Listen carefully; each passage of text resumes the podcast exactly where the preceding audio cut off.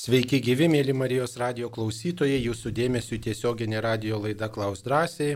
Ir šioje laidoje dalyvauja diakonas iš Vilniaus arkikatedros bazilikos Robert Vojčan. Garbėzui Kristui. Garbėzui Kristui, sveiki. Ir prie mikrofono taip pat esu aš, kunigas Saulis Bužauskas. Ir gal pirmiausiai apie tai, ką veikia diakonas, kokia tai tarnystė ir kokios pareigos, kokios užduotis, ką atliekate bažnyčioje. Tai diakono pirminė pareiga, kurią jisai prisijama šventimų dieną ir kurią aš irgi prisėmiau, tai yra malda su Dievo tauta ir už visą Dievo tautą. Tai yra pareiga melstis valandų liturgiją ir be abejonės karitas arba kitaip tariant tarnystė. Diakona pirmoji užduotis po maldos yra tarnauti bendruomeniai, tarnauti tikintiesiems ir ši tarnystė apima visokiojopą patarnavimą. E, be abejonės, e, diakonas irgi yra kviečiamas ir turi teisę e, irgi atlikti tarnystę bažnyčioje, teikiant tam tikrus sakramentus, konkrečiai tai būtų laiminant santuoką, krikštyti vaikus, kadangi diakonas negali dar aukoti šventųjų mišių, bet mišių metu E, gali e, sakyti pamokslus ir atlikti visokią kitą diakonui skirtą tarnystę šventųjų mišių metu. Na ir be abejonės, kai e, mes diakonai esame paskirti parapijose, tai atliekam ir tam tikras pareigas ir tarnystės, kurias mums patikė parapijos klebonas. E, tokia labai anksčiau buvo tokia tradicija, žmonės painiodavo, e, jeigu parapijoje, pavyzdžiui, yra keli kunigai, turi e, įvairias pareigas, pavyzdžiui, yra parapijoje deka, dekanas, kunigas, klebonas, vikaras ir diakonas. Tai jiems būdavo sunku atskirti, kuo skiriasi dekanas nuo diakono. Žodžiai labai panašus. Tai sakydavo, va, iš, die, iš diakono yra pusė kunigo, nes gali beveik pusę sakramentų teikti. Tai va taip žmonės atskirdavo. Taigi tikrai tai yra jau pasirengimas, pasirengimas kunigystėje, diakonų tampama priimant šventimus. Ir mm, tikrai linkime, kad ir netrukus, kaip sakoma, priimtumėte ir kunigystėje šventimus, tas pasiruošimo kunigystėje laikotarpis tuo mm, būtų diakono tarnystės, tarnystė E, vainikuotas, kaip sakyt, e, ir tinkamai pasiruoštumėte atlikti diakon kunigo tarnystę. E, taip, dabar turime žinutę, ar reikia eiti viso gyvenimo iš pažinties, jeigu anksčiau išpažintos nuodėmės, bet nepasakytos aplinkybės, pavyzdžiui, neištikimybės, bet nepasakyta, kad santoko jau pasakyta, kad prieš šeštą Dievo įsakymą. Na tai turbūt reikėtų pasakyti, kad viso gyvenimo išpažintis atliekama tokiais keliais atvejais. Vienas dalykas, jeigu jūs supratote, prisiminėte, kad nu, netinkamai atlikote išpažinti, netinkamai atlikote išpažinti, padarėt ar nuslėpėt kažką ar panašiai, ar ne, neaiškiai pasakėte ir jums sąžinė tą primena. Tai tada reikėtų prisiminti nuo tos e, išpažinties svarbiausius dalykus, galbūt pasižymėti ant kokio lapo ir panašiai, susitarti su kunigu geriausiai iš anksto, e, kad tam būtų galima skirti daugiau laiko ir atlikti tokiu būdu na, vat, išpažinti iš viso gyvenimo. Kitas dalykas yra, kai reikia, e, na pavyzdžiui, ryštis kažkokiam gyvenimo žingsniui. Na, sakykime, žmogus ruošiasi vat, kunigo šventimams, ruošiasi į vienuolyną, žmogus ruošiasi sudaryti santoką, žmogus e, tikrai vat, ruošiasi gyvenime tokiam rimtam pokyčiui. Nu, pavyzdžiui, tikrai renkasi kitą gyvenimo kelią. Toks labai rimtas pokytis, labai toks esminis, išvyksta į kitą kraštą, ten, nu, vienu žodžiu, pradeda kažkokį naują gyvenimo etapą. Tuomet netiek svarbu gal kartoti nuodėmės, kurios jau išpažintos, daugiau tai būtų tokio dvasinio gyvenimo apžvalga, kaip man sekėsi iki šiol eiti, reiškia. Gal turėjau tam tikrų iššūkių va vienoje srityje ir kaip man sekėsi juos įveikti ir tiesiog tas tarsi ir dėkingumas Dievui, kad pavyko įveikti ir kita vertus tokia, to, toks pasiryžimas galbūt kilti iš to, iš ko man nelabai sekėsi kilti. Tiesiog tokia dvasinio gyvenimo gal apžvalga tokiu atveju va, būtų, nes jeigu kartotume jau išpažintas nuodėmės, tai nelabai būtų prasmės tą daryti, nes jos jau yra atleistos. Daugiau gal kaip sekėsi kilti, kaip, kaip um, kokie pokyčiai buvo, kokias išvadas padariau, kur Dievo artumą patyriau, va, galbūt tose, nu, iš to tam pakilime iš tų nuodėmių. Čia daugiau tokio yra ne e, sakramentinės išpažinties dalykas, bet daugiau tokio dvasinio pokalbio sritis. Tai taip atsakytume. Mums paskambino. Mums paskambino Elžbieta iš Utenos. Prašom, kalbėkite. Taip, klauskite. Per amžius. Mes labai laukėm ir vakar buvo tokios svarbios iškilmės, retenybė.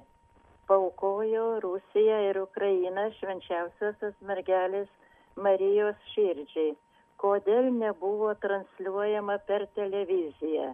Ir antras klausimas, e, e, kodėl mes daugiausia melžiamės per Mariją, o ne tiesiogiai į patį Dievą. Koks skirtumas? Ačiū sudė. Na, televizija e, transliavo tik tai ne per tą pagrindinį kanalą ir buvo transliuota per kitą kanalą, ne tą pagrindinį, ar ne?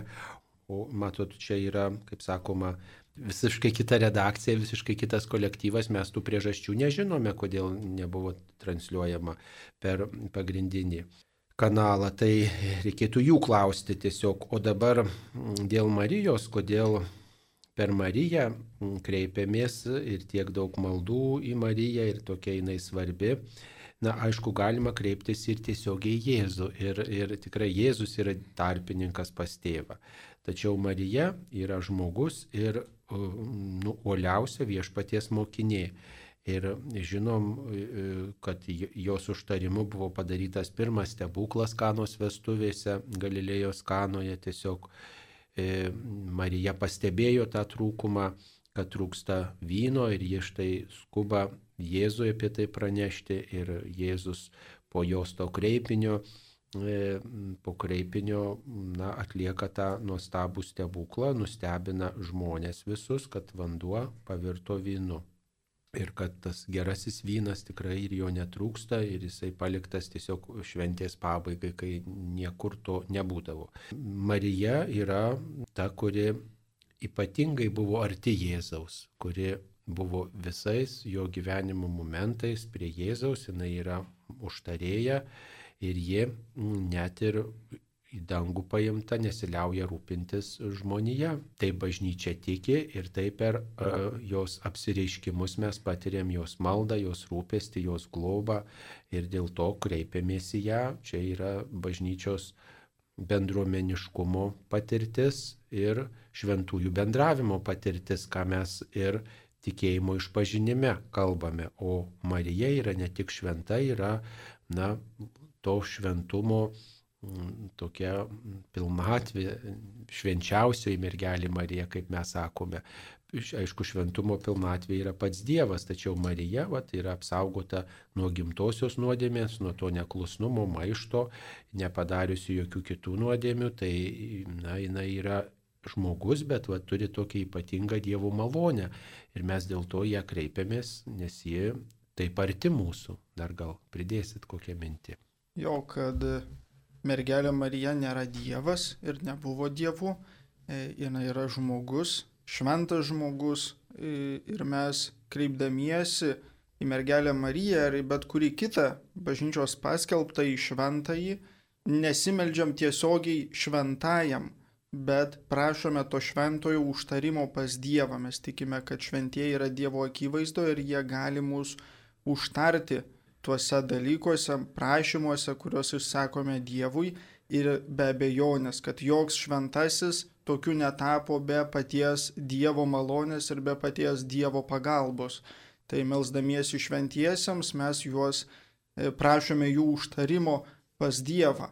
Tačiau irgi e, žinome, kad e, visos oficialios bažnyčios maldos, šventųjų mišių tekstai, valandų liturgijos tekstai, iš esmės yra kristologiniai ir nukreipiami į patį Dievą, į patį į Kristų, ir dažniausiai užsibaigia per Kristų mūsų viešpatį. Tai tokių maldų yra daugiausia, o mergelės pamaldumas mergeliai Marijai tai jau yra labiau e, liaudės pamaldumas skirtas pagerbti tą šventąją ir prašyti jos bei kitų šventųjų užtarimų.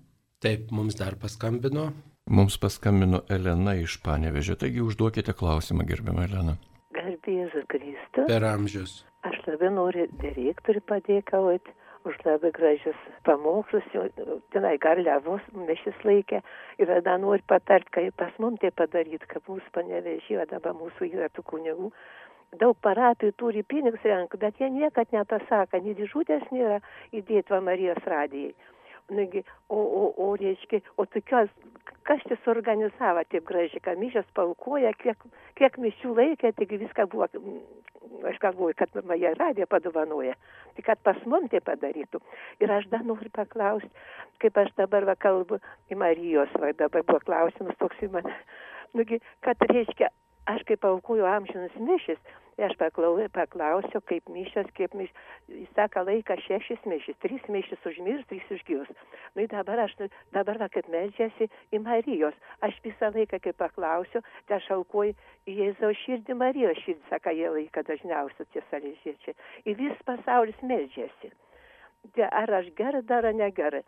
O paskiau dar nori pas, tą paprašyti, gal neturi tų maldynų radijai Marijai padovanoti iš panevežė, nugi, aš turiu nusipirkus ir nori, kad, Mari, kad Marijai radijai paduot paketo, kas atvažiuos ant panevežė iš radijos, pa, paketo nu, nu nusiųsti naujai radijai maldynų labai gražiai kardinolą parašytos gesminė, gesminė ir paskiau tam viskupą dar mirė dabar tas amžinalės mūsų panevežį, kai buvo palaidojam panevežį. Nugi, ar labai gražios gesmina, gesmės labai gražios.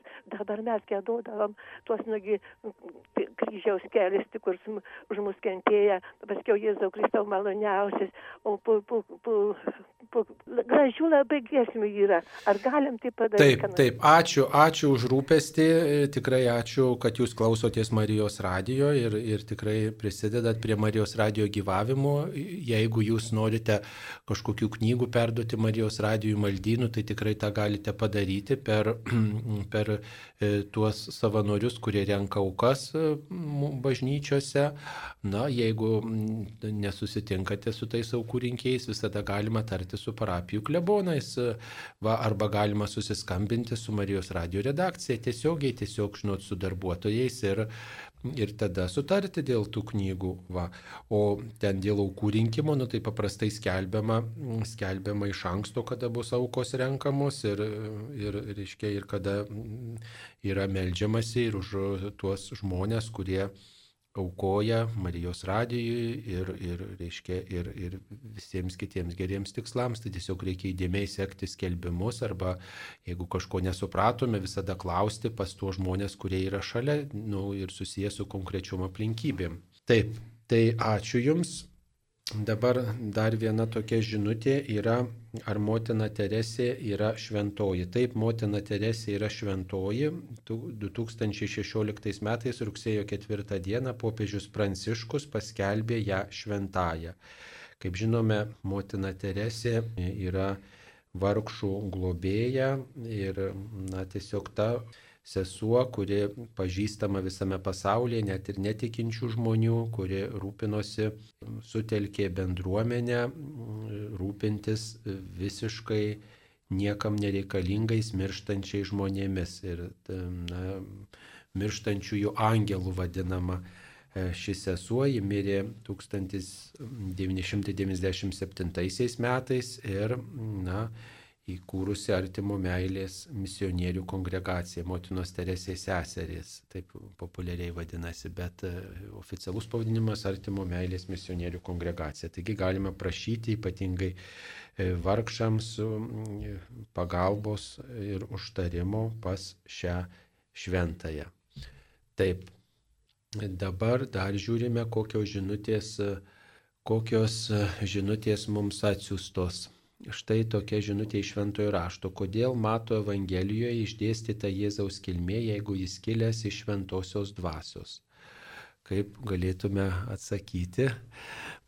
na, e, svarbu e, evangelistams parodyti ir ne tik tai, tai, kad jisai yra Dievas, bet ir tai, kad jis yra žmogus ir kad jis yra na, visų pažadų paveldėtojas. Jis e, svarbu evangelistams pabrėžti, kad Jėzaus Kristaus istorijoje įsipildo pažadai duoti karaliui Dovydui. Ir, ir štai na, tiek Marija, tiek tas juridinis Jėzaus tėvas, globėjas Juozapas, na, va, prisima visą atsakomybę ir e, na, visą tai, kas, kaip sakoma, saisto, iš kur kilia Juozapas ir Marija na, yra susiję taip pat ir su Jėzumi. Kitaip sakant, tas Jėzus taip, jisai yra iš šventosios dvasios kaip Dievas, bet kaip žmogus jisai žmogystę gavo iš mergelės Marijos, o teisiškai visą atsakomybę už jo ugdymą, palidėjimą į gyvenimą ir, ir, ir tą duonos kasnį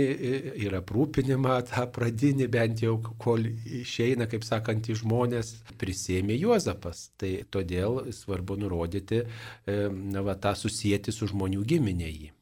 Jo ir šiame klausime yra vienas netitikmuo, į kurį noriu reaguoti, e, kad Jėzus yra iš šventosios dvasios, tai tai nėra tiesa.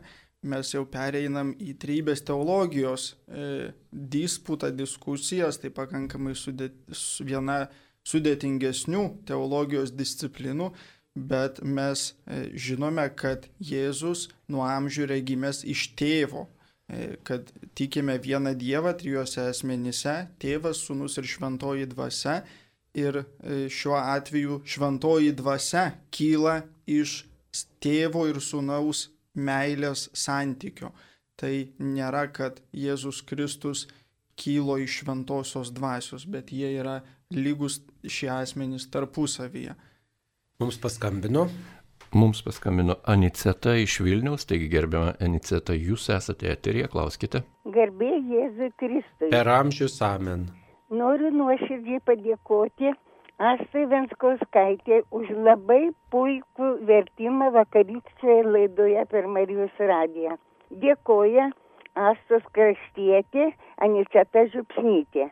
Taip pat tariu nuoširdų ačiū ir šios šventovės radio programų direktoriui Sauliui Bužiauskui už nepaprastai puikias net pažintinės laidas per Marijos radiją. Ačiū, ačiū, ačiū. Ačiū, mėla klausytoja, už gražius žodžius ir ačiū, kad klausotės Marijos radijui. Te laimina e, mus visus viešpats. Tikrai gražu, kad turim bendradarbių, kad nesam visiškai vieni ir, ir tikrai atsiliepia daugybė žmonių, kai, kai prašom pagalbos ir maldomis, ir aukomis, ir taip pat na, daugybė žmonių kviečiami ateina į Marijos radiją, tai savanorių radijas ir tikrai daugybė žmonių ir pasako ir savo istorijas, ir pasako apie tikėjimą, ir kaip specialistai savo žiniomis prisideda, kad na, tikėjimas būtų skleidžiamas ir tikėjimo žinia būtų įgyvendinta. Tai tikrai ačiū visiems. Dar viena žinutė atėjusi, norėčiau sužinoti, kodėl kunigai laiko mišes nugarą į altorių. Tai čia mm, reikia pasakyti, kad po antro Vatikano susirinkimo buvo nutarta truputį reformuoti e, liturginį gyvenimą bažnyčioje ir tikrai e, nutarta atgręžti altorių į žmonės, nes e, kunigas nusisukęs aukoja mišes, o žmonės dalyvauja ir jie įpratę buvo melstis savo, kunigas savo, dažnai žmonės negirdėdavo, ką kunigas sako, na, kaip tenka girdėti ir kunigai, tiesiog užsisukę nuo žmonių, jie galbūt ir, ir tokių ir klaidų padarydavo, aukodami mišes, tokių, nu, ne visada tas buvo tinkamai ir tiesiog, na, tas atotrukis, na, buvo kaip ir toksai didžiulis klausimas, ar ne, ir buvo matyti toks poreikis, kad vis dėlto reikia žmonėms aktyviau dalyvauti ir ypatingai na, antro Vatikano susirinkimo teologai ir paskui viskupai pasaulio sutarė, kad vis dėlto na, reikia žmonės labiau įtraukti į tikėjimą, tą samoningumą žadinti ir dėl to buvo mišios išverstos į nacionalinės kalbas mišių tekstai. Ir tiesiog, kad bendruomenę labiau įtrauktume, buvo atgriežtas altorius į žmonės, tai kitaip sakant pastatytas kitas uh, stalas aukai, priderinta, turėtų būti priderinta prie to altoriaus, kuris pastatytas prie galinės bažnyčios sienos ir tada kunigas atsisukęs veidų į žmonės aukoja šventasias mišes. Tai aišku, čia yra daug visokių klausimų ir, ir visais laikais buvo, kad tarsi anksčiau buvo centre Dievas, dabar kunigas, tačiau teologija sako, ir tikrai vat mišiuose yra tas momentas, kai kunigas tardamas e, konsekracijos žodžius, tardamas e, Jėzaus Kristaus vardus tarė pirmojų asmenių. Imkite ir valgykite, tai yra mano kūnas, kuris už jūs atiduodamas. Tai yra mano kraujas, kuris už jūs išliejamas. Tai kunigas atstovauja Kristų ir liturgijos metu tas na, labai akivaizdu. Kunigas veikia Kristaus vardu, atstovauja Kristų. Tai jisai ne į save kreipia dėmesį, kaip kam gali atrodyti, bet kreipia į Dievą. Jis yra įgarsina Jėzaus pasakytų žodžių, sudabartina tuos ištartus žodžius ir aišku, kitiems žmonėms tas yra labai nepriimtina galbūt ir čia visokių minčių pasigirsta, bet mes įžvelgime tame tam tikrą šventosios dvasios veikimą, kad galim labiau suprasti protu, kas vyksta, galim labiau įsijungti į šitą veiksmą, kad tai priartėja prie mūsų ir tikrai galima sakraliai dalyvauti mišiuose, kai yra atgriežtas altorius ir tikrai galima sakraliai mišias aukoti, lygiai taip pat galima nieko nesuprasti ir visiškai to sakralumo neišgyventi, kai kunigas susigręžęs tiek kunigui, tiek, tiek žmonėms. Tai tiesiog priimkim, kad yra tai šventosios dvasios veikimas po antro Vatikano susirinkimo, nors ir daugam tas nepatiktų ir keltų klausimų ir, ir bendrai visų sričių specialistams ir architektams, kurie planuoja bažnyčią ir, ir, ir pertvarko bažnyčią. Tai nu, priimkim tame tam tikrą išvelkime Dievo vedimą. Ir čia dar tokia mano e, pridėčiau asmeninė išvalga.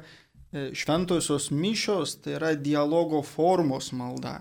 Tikintieji dialoguoja su mišęs aukojančių kunigų. Puikiai žinome, kad yra mišių tekstai rezervuoti e, dvasininkui ir mišių tekstai, kuriuos turi atliepti tikintieji. Tai e, drįščiau e, pasidalinti savo išvalgą, kadangi tai yra malda dialogo formos, tai vaisingiausias dialogas vyksta žiūrint vienas kitam į akis, o ne į nugarą. Labai praktinis dalykas, kai susitinkam ir bendraujam, tai visi norime žiūrėti veidas į veidą, akis į akį, tam, kad pokalbis būtų nuoširdus. O mišiuose, šventosiuose mišiuose esam kviečiami į nuoširdų pokalbį su Dievu, į nuoširdžią maldą ir tai tikrai priimti šią, ši, šią reformos dalį e, kaip didelę dovaną, kad galime kalbėtis e, žiūrėdami vienas kitam į akis. Taip, ir ypatingai, kai sako, viešpat su jumis kreipiasi, tai va tas yra ta, ir labai tokia įspūdinga dalis ta e, dėkojimo giesmė arba malda dėkojimo, kai tikrai tas dialogas toks gana intensyvus, keli kreipiniai. Anksčiau tai mokėdavo tik ministrantas, patarnautojas ir tas dialogas tarsi su dalimi bažnyčios vykdavo. Tai, tai, tai, tai tiesiog tikrai tai svarbu turbūt ne tik tai kritikuoti, bet ieškoti, kaip galiu priimti tai, kas mums duodama. Taip, dar viena žinutė, ar visada reikia sakyti amžiną į atilsi, kalbant apie tolimesnę praeitį, daug mirusių vardų, ar galima amžiną atilsi sakyti mintise?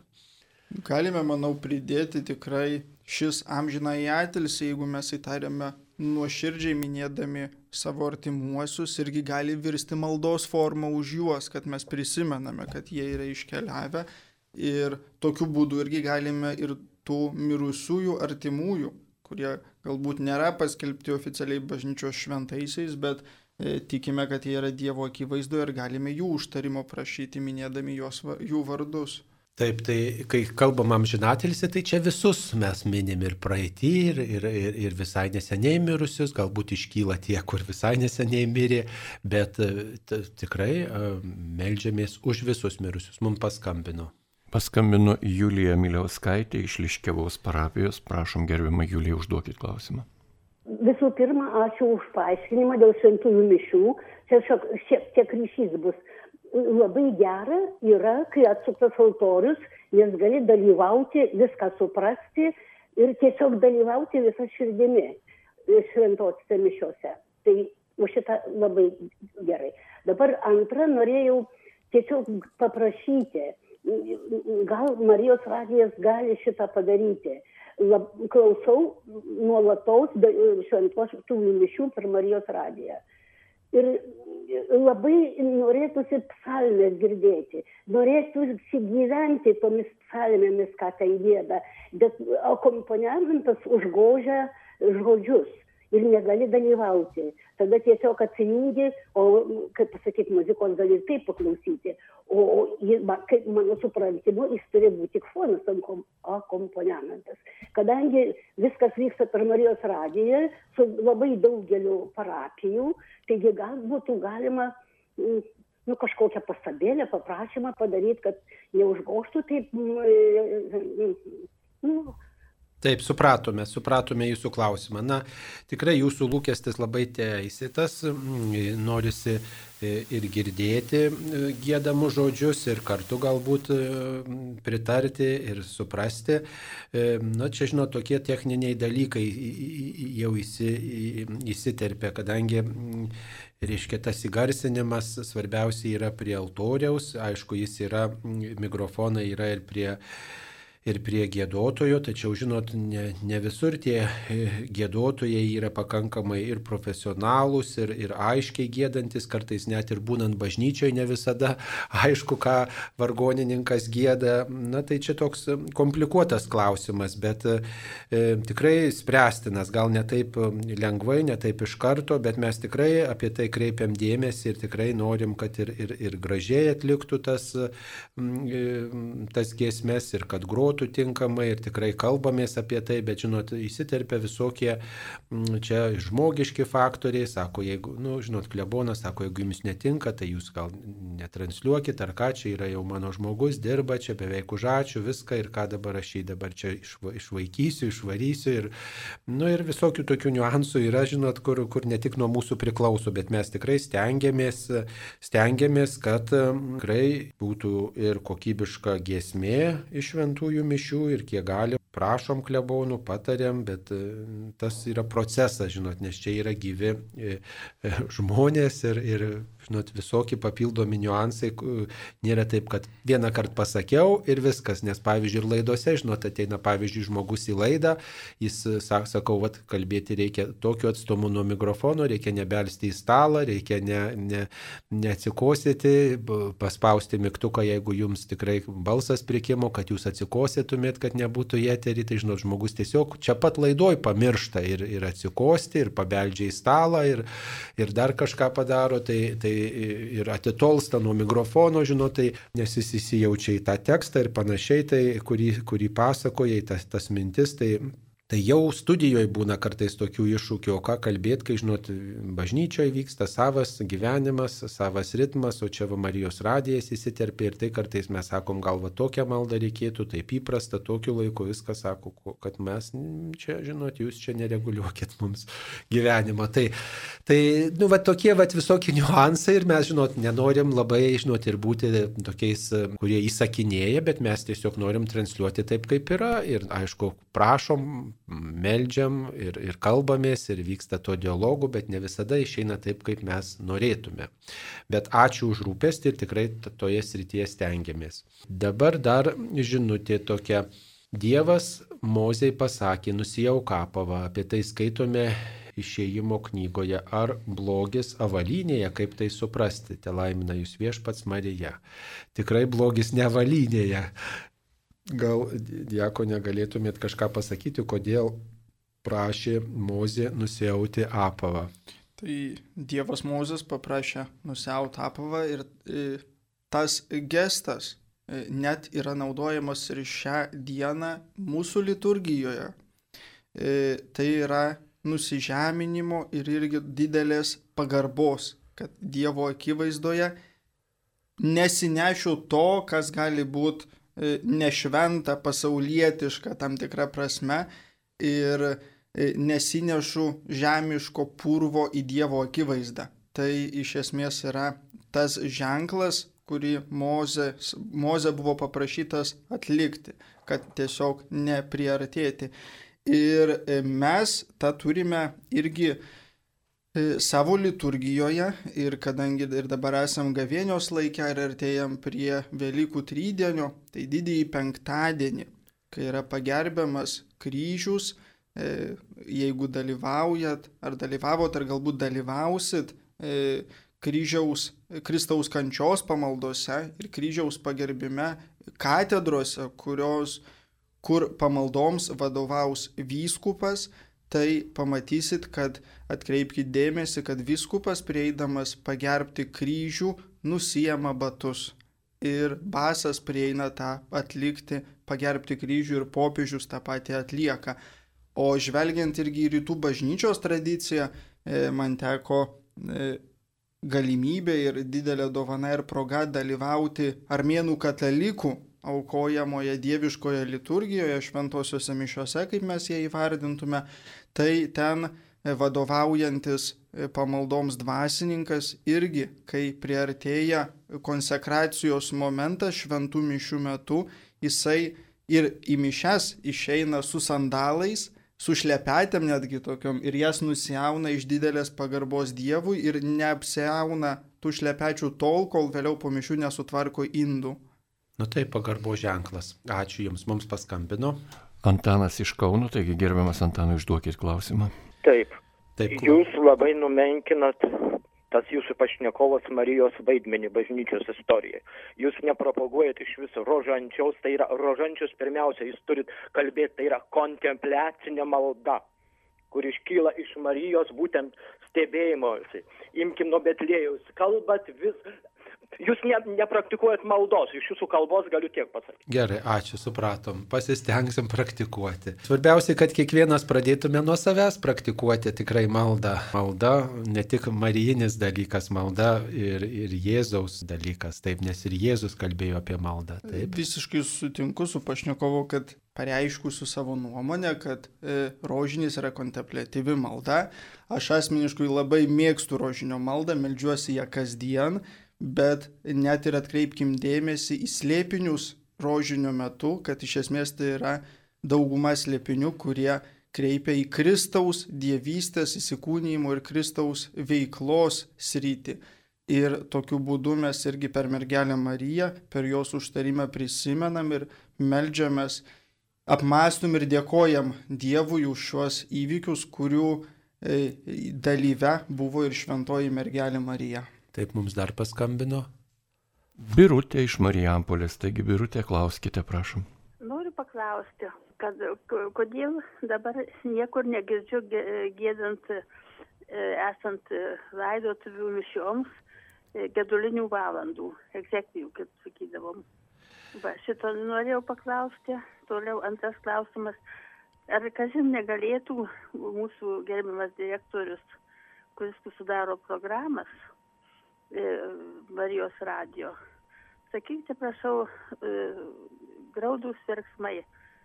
Kad neliktų 15 minučių rasti kažkur tai laiko sekmadienį, kad mes visi sergantys, visi ligonėse gulintys, kurie turi radiukės ir klausosi labai mielai ir būna labai patenkinti už jūsų, už jūsų laidas ir dėkojame jų visų vardu. Va, tos, tos reiškia, Graudžių verksmų maldos būtų ja, transliuojamos. Taip, taip, supratome. Ačiū.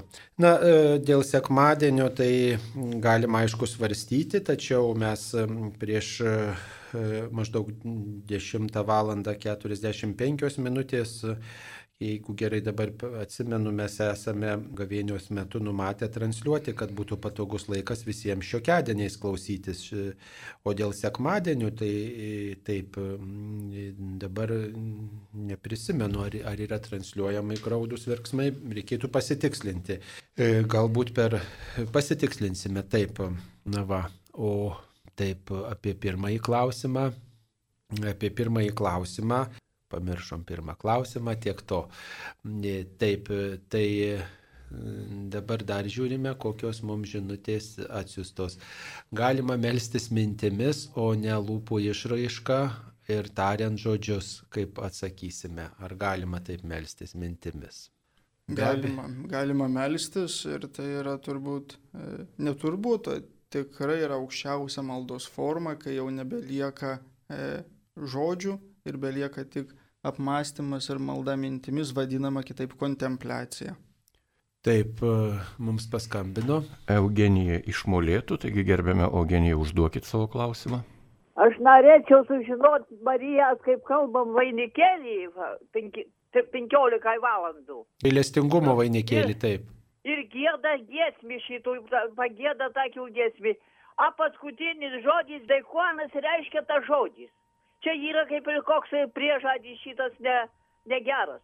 Nu, mes dabar, žinokit, nelabai galim e, suprasti, ką jūs turite galvoje, bet tikrai stengiamės, kad tai, kas giesmėjai per Marijos radiją, tai tikrai būtų labai tinkama ir, ir nebūtų jokių aluzijų į kažkokius netinkamus žodžius. Tikrai dar įdėmiau pasiklausykite, ar tikrai, ar tikrai skamba kažkokie negeri žodžiai. Taip, kaip melstis ir būti su Dievu, tik pabudus ir per visą dieną darbo metu vakare ir nemigo naktį padėkoti Dievui, kai nesimiega, tai paklausyti Marijos radio, tai buvimas su Dievu, tai kaip būti. Sąmoningas buvimas Dievo akivaizdoje, ką veikiu, ar tai būtų dienos darbai, ar tai būtų e, poilsis, e, su kryžiaus ženklu pradedu dieną atsikėlęs, e, jeigu ir turiu laiko, tai yra gera galimybė pradėti tą su malda, e, netgi su poteriais, tėvė mūsų sveika Marija, garbė Dievui, pagarbinu Dievą ir šventuosius bei prašau jų užtarimų visai dienai ir galiausiai užbaigiu dieną su malda dėkojant už šią nugyventą dieną ir prašant e, ramaus poilsio ir ką bedaryčiau daryti e, su Dievu, prašant jo pagalbos. Matote, jeigu naktį nesimiega, toks žmogus būdraujantis yra daug tokio nerimo, liūdėsio ir panašiai, tai tas e, meldimasis gali būti kartojimas e, trumpos maldos. Pavyzdžiui, viešpatė pasigailėk manęs, viešpatė pasigailėk viso pasaulio, Jėzau pasitikiu tavim, Jėzau myliu tave ir taip daugybę kartų kartoti va, vieną kažkokį sakinį. Tai irgi yra malda, tos strėlinės maldos jos yra katalikų bažnyčioje gal primirštos tikinčiųjų, bet jos labai reikšmingos ir svarbios ramybėje atgauti, melstis kritinių momentų, kai, kai, kai žmogus kenčia, liūdė, sunku yra tikrai kartoti, ypač tiems žmonėms, kurie išgyvena ir, ir, ir, ir kūno negalės ir taip pat galbūt ir psichikos negalės tam tikras išgyvena, tai tos trumpos maldos jos yra išgelbėjimas, tikėjimą palaikyti, tikėjimą kurstyti ir tikėjimą gilinti. Ir mm, kartais žmogus neturi nei laiko, nei jėgų, nei noro melstis ilgomis maldomis, tai, tai tiesiog kartoti kelis kartus trumpą maldą yra, žinokit, na, E, e, dvasinio gyvenimo tiesiog kelias ir, ir išeitis tokia, ar ne, kai, kai žmogui negali sakyti, tai tu pasimelsk grožantėlį, Dieve žmogus, žmogui kvepuoti sunku, gyventi sunku, ką, ką jau ten apie tą rožantėlį, ką jisai ten neturi nei noro, nei jėgų, nei, nei, nei, nei įkvėpimo tą, tą rožantėlį varstyti ir panašiai, bet pavyzdžiui atsidusti viešpatė pasigailėk arba Jėzau ištarti, tai dar gali užtekti jėgų ir sveikatos. Tai vad ir ypatingai žmogui, kai yra nemiga, dar kažkas nėra taip, kad jau akis, kaip sakoma, atmerktos ir žmogus gali eiti malkas kapoti tiesiog ir pietus virti, bet būna tai snaudžia, tai, tai nesnaudžia, bet vad tais momentais tikrai kartoti Jėzaus vardą arba pavesti save Dievui trumpu atodusiu, tai tikrai gera tikėjimo išeitis. Dar viena žinutė, ar rožinį kalbant būtina pridėti apmąstymus. Kartais, kai esu labai pavargus, sukalbu be apmąstymų. Ar būtina pridėti? Jeigu yra tam laiko, tai galime ir liturginė maldynė, yra bent po tris variantus tų apmąstymų, galime juos paskaityti, jeigu tam yra laiko, bet tai iš esmės nėra e, būtina negalim sakyti, kad jeigu nepridėsiu apmąstymo, nepaskaitysiu apmąstymo, tai malda negalios. Malda galioja ir visų pirma irgi atkreipti dėmesį į savo poreikį bei tiek, kiek galiu laiko skirti tai maldai. ir apmąstymai irgi mus e, mobilizuoja, e, taip galima būtų pasakyti, arba palenkia mus tai maldai. Tai kokį bent jau tą slėpinį įvardint yra svarbu ir prie jo pridėti apmąstymą, jeigu turiu tam laiko, jeigu ne, tai jau pats slėpinys, pats slėpinio įvardymas yra jau e, centras ir apmąstymas, kokį stebuklą, kokį e, žingsnį, kokį gyvenimo etapą Kristaus ir mergelės Marijos gyvenimo apmastau. Taip, sveiki, ar yra kas žinoma dėl sesers Liucijos Fatimos regėtojos betifikacijos? E, na, kiek žinoma, sesuo Liucija likusi gyva regėtoje, nes kiti du regėtojai mirė labai anksti, o sesuo Liucija mirė sulaukusi 97 metų, įtapus karmelite vienuolę ir sulaukė, galima sakyti, ir mūsų laikų, mirė 1990. 2005 metais mirė, 2005 metais mirė e, prie pat e, ne visai netoli popiežiaus Jono Pauliaus antrojo mirties datos, taip sakant. Ir popiežius Benediktas XVI leido jos betifikaciją pradėti anksčiau laiko, tačiau ta betifikacija, kiek man žinoma, nėra užbaigta ta byla ir nėra mm, paskelbta palaimintaja sesuo Liucija.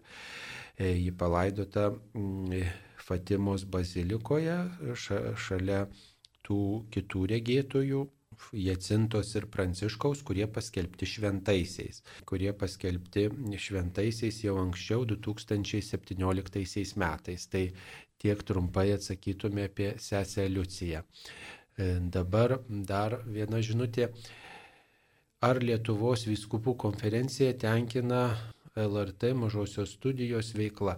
Dalį tikinčiųjų ne. Tai reikėtų klausti Lietuvos viskupų konferencijos. Mes nesame Lietuvos konferencijos, viskupų konferencijos atstovai. Mes, taip sakant, Marijos radijas bendradarbiauja su bažnyčia, bet jų oficialiai neatstovaujame. Tai reikėtų, reikėtų klausti tiesiog tų, kam kas e, jau tikrai turi daugiau informacijos. Taigi, dar žiūrime, kokios žinutės mm, atsiustos mums. Ar mums paskambino? Taip, mums paskambino. Mums paskambino Malanija iš Panevežio. Taigi užduokite klausimą, Malanija. Garbė Jėzų Kristų. Per amžius. Aš labai norėčiau paklausti, ar aš gerai daro, negerai. Aš turiu ražančių 15 ratelių, pranciškonų, nu, nu, daug tų. Ir aš kiekvieną atkalbu, vadava pašlepti, dava atkalbu į so dalį. Ir iš karto atskaito tos maldus, o paskiau tik tiesiog ražantį atkalbą. Aš gerai daro, negerai. Nu tai matot, geriausiai būtų įterpti, taip jau teisingiausiai būtų, neįterpti. Jeigu, pavyzdžiui, yra e, kokia, e, reiškia, ten paslaptis, aslėpiniai, kaip sakome, reiškia, kažkokia tema prieš vieną e, tą dešimt sveiką Marijų ar prieš e, kitokį skaičių tų maldų sveika Marijų, tai tada ten toj vietoje reiktų įterpti, net tie mąstymai tam ir skirti. Jeigu viską atpilsim, pavyzdžiui, kaip rožinį paimsim visus mąstymus, paskaitau iš knygelės, paskui padedu knygelę į šalį, o tada įimu ir kalbu rožinį. Nu tai čia tokia saviveikla truputėlį. E, gal geriau jums tai padeda, gal apmastyti, nu tai čia jūsų yra privati tokia malda, bet oficialiai tada, jeigu jums ten keblų susipainiojat ar panašiai, tai gal tada užteks įvardinti. Pavyzdžiui, šiandien yra šeštadienis. Šiandien bažnyčia tradiciškai šeštadienį apmasto džiaugsmo slėpinius. Tai pirmasis džiaugsmo slėpinys angelas apreiškė Marijai, kad ji pradeda, e, reiškia, vaikelį iš šventosios dvasios. Ir to pakanka. Angelas apreiškė Marijai. Ir užtenka ir tada kalbu tėvė mūsų ir dešimt sveika Marijų. Toliau Marija lanko šventą Elisbietą. Ir vėl tėvė mūsų ir dešimt sveika Marijų. Tie mąstymai, jeigu jums keblu susipainiojat, nu, galite ir atidėti juos į šalį. Nu, va, taip, tas atskaitimas, tai tarsi tokios dvi maldos išeina atskirai. Aš susipažinau su tekstais, o tada kalbu rožinį. Tai va taip patartume. Taip, dar viena žinutė, kaip išmelsti tikėjimo jaunimui, vaikams. E, sako, kad tai pasaka, gyvena nesusituokę, sako, tuoktis labai brangu. Ką patartumėt, mielas Diekonė, jaunimui, kaip tą tikėjimą e, pripūsti, e, įteikti? Mūsų tikinčiųjų turbūt pirminė užduotis yra melstis vieni už kitus, melstis už e, tuos mūsų šeimos narius, kurie e, yra nutolę nuo tikėjimo, kurie nesupranta to ir tai yra pagrindinė mūsų užduotis, tačiau e, mes negalime tikėjimo įbrukti per prievartą. E, tikėjimas yra laisvas žmogaus apsisprendimas ir laisvas jo aktas tikėti Dievu. E, negalime jo priversti tikėti ir nėra, bažnyčia neturi tokio tikslo - priversti kitą tikėti. E, tai yra asmeninis žmogaus atsakas e, į Dievą, Dievui, į, į jo pašaukimą žmogui duotą. Ir aišku, kad svarbu, kad mes tiek žodžiais liūdytume tuo, kuo patys tikime, bet ir patys tuo gyventume. Ir grūdelis po grūdelio ir sėja būna laukas susietas ir tada belieka tik tais laukti, kada tie grūdeliai sudygs ir, ir duos vaisių. Gal ir nesulauksim šiam pasauliu, bet jūsų malda, jūsų pavyzdys, jūsų kantrybė tikrai duos vaisių ir amžinybė, iš amžinybės pamatysit, kaip jie pasirenka tikėjimą. Na, visada prisiminkit, pavyzdžiui, motinos Teresės pavyzdį. Paprastai pasvarstykit, kodėl motina Teresė ėjo slaugyti vargšų. Ir ne tik, kad vargšų, bet tų, kurie miršta gatvėse, dvokiantys, mirdantis, kurie niekam nereikalingi. Kodėl jinai juos slaugė? E, gerą darbą darė? Ne, jinai ne tik tai gerą darbą darė, bet jinai juose išvelgė Dievo paveikslą. Ir norėjau, kad žmogus kaip Dievo paveikslas numirtų oriai, paguostas, sustiprintas ir, ir jeigu įmanoma, reiškia, na, va, su tikėjimu tą mintim ar ne, su, su žvilgsniu jam žinybę. Na, va, tai visada priminkit, pasakokit, kalbėkit, o tuoktis galima ir be jokių iškilmių, žinot, galima e, sutarti su kunigu, o, taip sakant, ir praeiti visus kursus, o, o pietus pavalgyti namuose labai kukliai, kaip kiekvieną dieną valgom pietus. Čia ne tas klausimas, kad brangu, bet tikriausiai, na, va, nėra tos tokio, tokio motyvo rimtesnio įsipareigojimo. Mums paskambino. Paskambino klausytoja iš Alytaus, nenorėjo sakyti savo vardo, bet prašom, užduokite savo klausimą. Garbėjai Kristui. Per amžius. Gerb, ger, gerbiami kunigėliai, aš esu neįgali, bažnytėlė nenueinu, bet jau labai kiekvieną dieną stengiuosi melstis, kiek jėgų seša. Dabar, kai būna ražančius, e, linki ramybės, juk šalia manęs aš gyvenu viena, šalia manęs nieko nėra, bet aš palinkiu ramybės ir vaikams, vaikų šeimoms. Ar tai gerai darau, ar taip galima daryti? Taip, tai yra nuostabi praktika, kad ir nesant fiziškai žmonių, kurie yra e, šeimos narių ar tiesiog pažįstamų bičiulių e, ir meldžiantis už juos linkėti jiems ramybės ar net ir klausant šventųjų mišių radio transliacijos ir dalyvaujant tik asmeniškai ir šioje vietoje, kur e, jeigu yra tokia galimybė diakonas arba kunigas pasako, palinkėkite vieni kitiems ramybės, tai ir tos ramybės linkėti širdėje tiems, kuriuos pažįstam, kurie mums yra brangus, kurie mums yra artimi. Labai sunku išsirinkti sutvirtinimo šventąjį vardą. Galvoju apie Gemą, Mariją, Faustiną, Bernadetą, kaip pajausti, kuris man tinkamiausias. Gal per daug atsakingai žiūriu? Labai svarbu tikrai sutvirtinimo sakramentui parinkti šventojo vardą. Pirmoji turbūt tokia gairė, kad tai būtų tikrai fiziškai buvęs istorijoje žmogus, gyvenęs e, istorijoje žmogus, neišvestinis vardas, e, pavyzdžiui, kai sako Petras, na tai Petronėlė, tai, tai bent jau oficialioj bažnyčios visų šventųjų litanijoje arba visam e, sąraše šventųjų tokios šventosios nėra. Ir tada labai svarbu yra, kad tai būtų pasidomėti, kad tai būtų tikras asmuo gyvenęs istorijoje, gyvenęs mūsų laikais, ar tai anksčiau e, žymiai už mus, bet kad tai būtų tikras asmo, kuris yra bažnyčios paskelbtas šventuoju ir prašyti jo užtarimo tada. O kai yra didelis pasirinkimas, tai visų pirma maldoje apsvarstyti, kuris man labiau tinka, pasidomėti tuo šventųjų, paskaityti jo gyvenimo istoriją, kas man to istorijoje patinka, kas man yra priimtina, su kuo galbūt nesutinku ir tai yra normalu, e, kiekvienam savas kelias ir galiausiai paklaustų pačių šventųjų maldoje, tai ar jie, ar jie sutiktų ar ne. Ir manau, kad maldoje tikrai galima gauti tokį atsakymą, bet irgi ir pasinaudot konkrečią informaciją apie tuos šventuosius. Na dar galima irgi truputį tokio, kai kurie žmonės taip daro, tokio iškumo gauti, pasidomėti, kada tas šventasis konkrečiai miręs, kokią dieną arba gimęs ir pavyzdžiui žmogus atranda, kad, sakykime, tą patį mėnesį gimęs arba net tą pačią dieną gimęs ar miręs tas šventasis, kuri, kuri jam ta, ta diena kažkaip svarbi ir sako, va, čia man toks ženklas, kad tikrai man tas šventasis yra, nu, yra kažkuo ypatingas, va, kažkaip pajutau, kad va, toks sutapimas, na tai tikriausiai čia čia vat, ir dar gal kažka, kažkoks kitas va ženklas, kad man jis arti yra ar panašiai, ar ten lankiausi to šventoviai, kuri kur, kur su juo susijusi. Na tai va tiesiog ieškokit tokių ženklų, kurie galbūt jums ir padėtų, padėtų truputį pasirinkti vieną ar kitą šventai. Ir labai gražu, kad e, tai nėra, kad čia per daug duomiuosi, per daug atsakingai tą žiūriu, bet tai yra tikrai labai gražus ženklas, kad e, vardo parinkimas yra labai atsakinga užduotis ir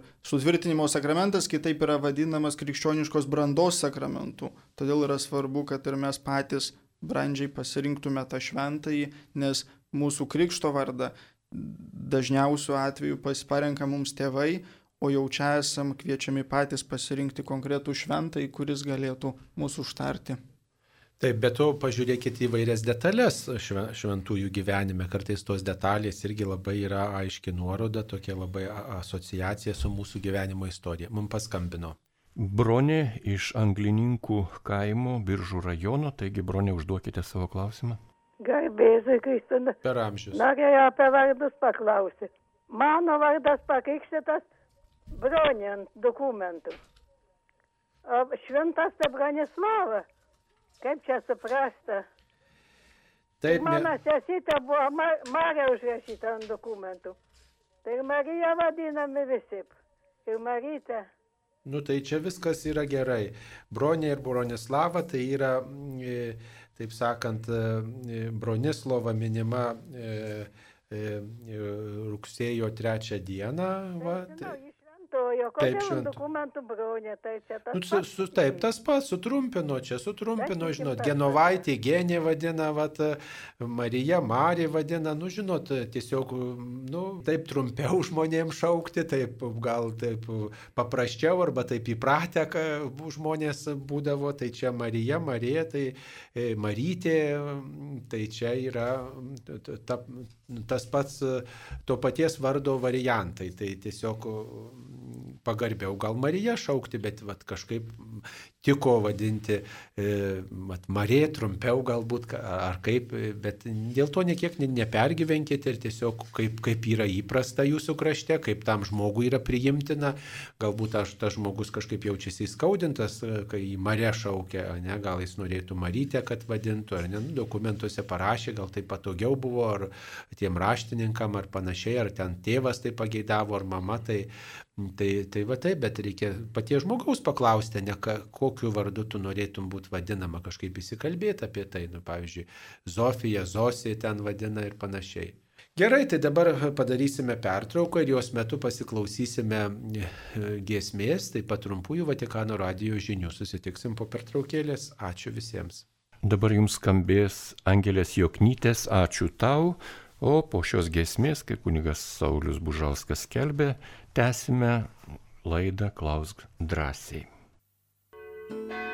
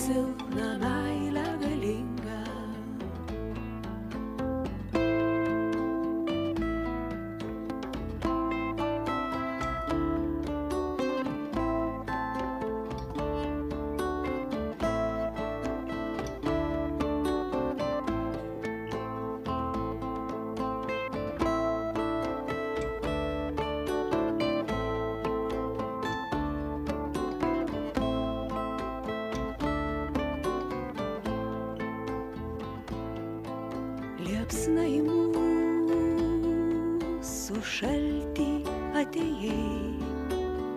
Ačiū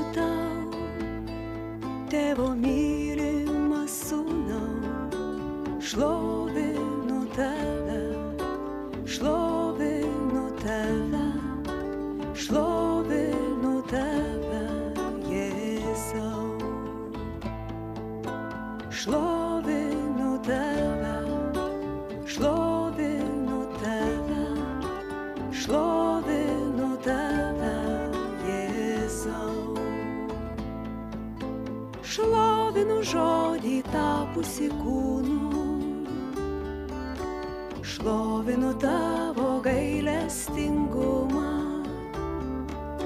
šlovinu Dievą gimusi žmogum dėl mūsų. Kūdikį silpną meilę galingą. Šlovinu žodį tapusi kūnu, šlovinu tavo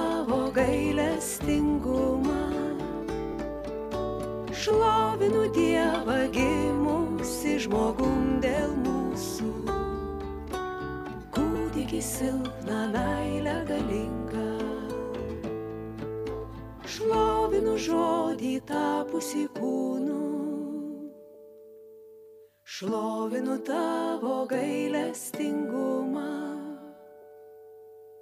Šlovinu Dievą gimusi žmogum dėl mūsų. Kūdikį silpną meilę galingą. Tu es grand Dieu saint, loué soit ton nom, tu es grand Dieu fort, et nous célébrons Dieu de tendresse,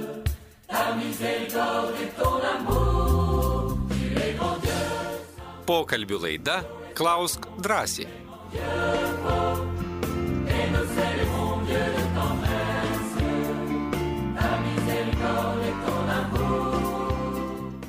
Mėly klausytojai, mes vėl eteryje. Diakonas Robert Vojčan ir aš kunigas Saulis Bužauskas tęsėme atsakymus į jūsų klausimus. Taip, tai dar keletą minčių.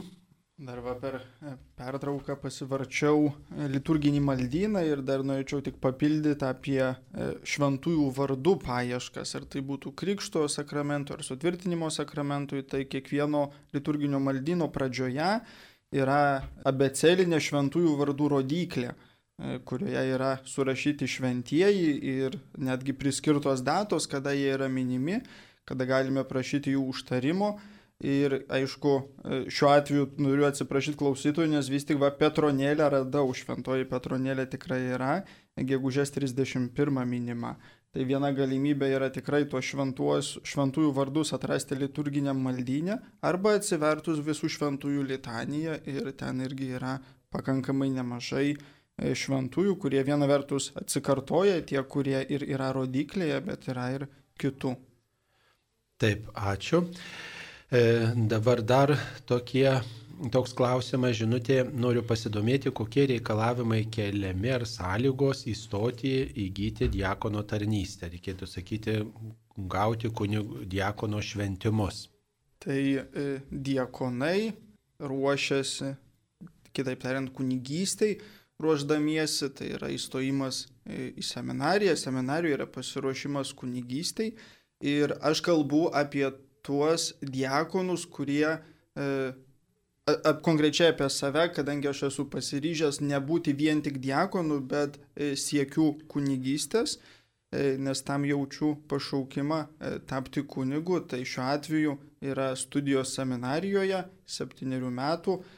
Plačiau apie jas galima susižinoti seminarijos internetinėje svetainėje ir ten yra ir reikiamų dokumentų, sąrašas stojant į seminariją ir keliami reikalavimai. Taip, o tie, kurie vedė ir norėtų tapti diakonais, tai reikia visų pirma žmonos sutikimo, tam reikia pašaukimo mm, ištyrimo tokio ir reikėtų kreiptis į savo viskupijos vyskupą ir tiesiog mm, tam tikras pasiruošimo laikotarpis yra organizuojamas. Taip, mums paskambino.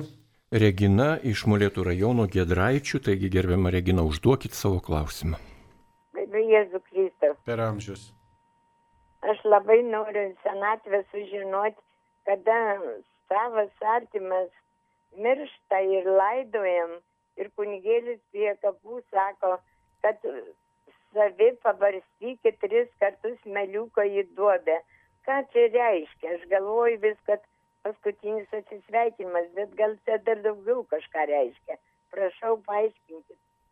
Tai e, laidotuvės yra sakramentalija ir e, žemių pabarstimas yra numatytas e, jau pačioj pabaigoj laidotuvių ir tai yra iš esmės tam, kuris vadovauja laidotuvėms, dvasininkui skirtas ženklas ir sujungtas su tam tikrais žodžiais. Žemių užberimas ant karsto arba ant urnos, jeigu yra laidojama žemėje primena e, ir žodžiai, kuriuos tarė kunigas arba diakonas e, vykdydamas laidojimo tarnystę, sako, kad dulkėm iš dulkių mus viešpatė paėmė ir dulkėmis virsime. Atmink žmogau, jeigu dulkė esi ir dulkėmis virsi. Tai yra konkretus veiksmas sujungtas su žodžiais. Bet tuo pačiu yra paraginami ir artimieji irgi tam veiksmui pritariant tiems e, dvasininko žodžiams ir tokiu būdu irgi vat, palinkėti gerą tam žmogui, užberiant tokių e, paprastų ženklų ir patiems prisiminti, kad mes visi anksčiau ir vėliau tikrai e, atgulsime amžino poilsio ir tai yra konkretus priminimas mums prisiliesti prie to žemiško dalyko, prie žemės, e, prie kapinių žemės, tam, kad irgi prisimintume patys, kad ir mes amžinai žemėje negyvensim. Na, toks solidarumo turbūt ženklas čia yra, nes mes visi vieni už kitus esame atsakingi.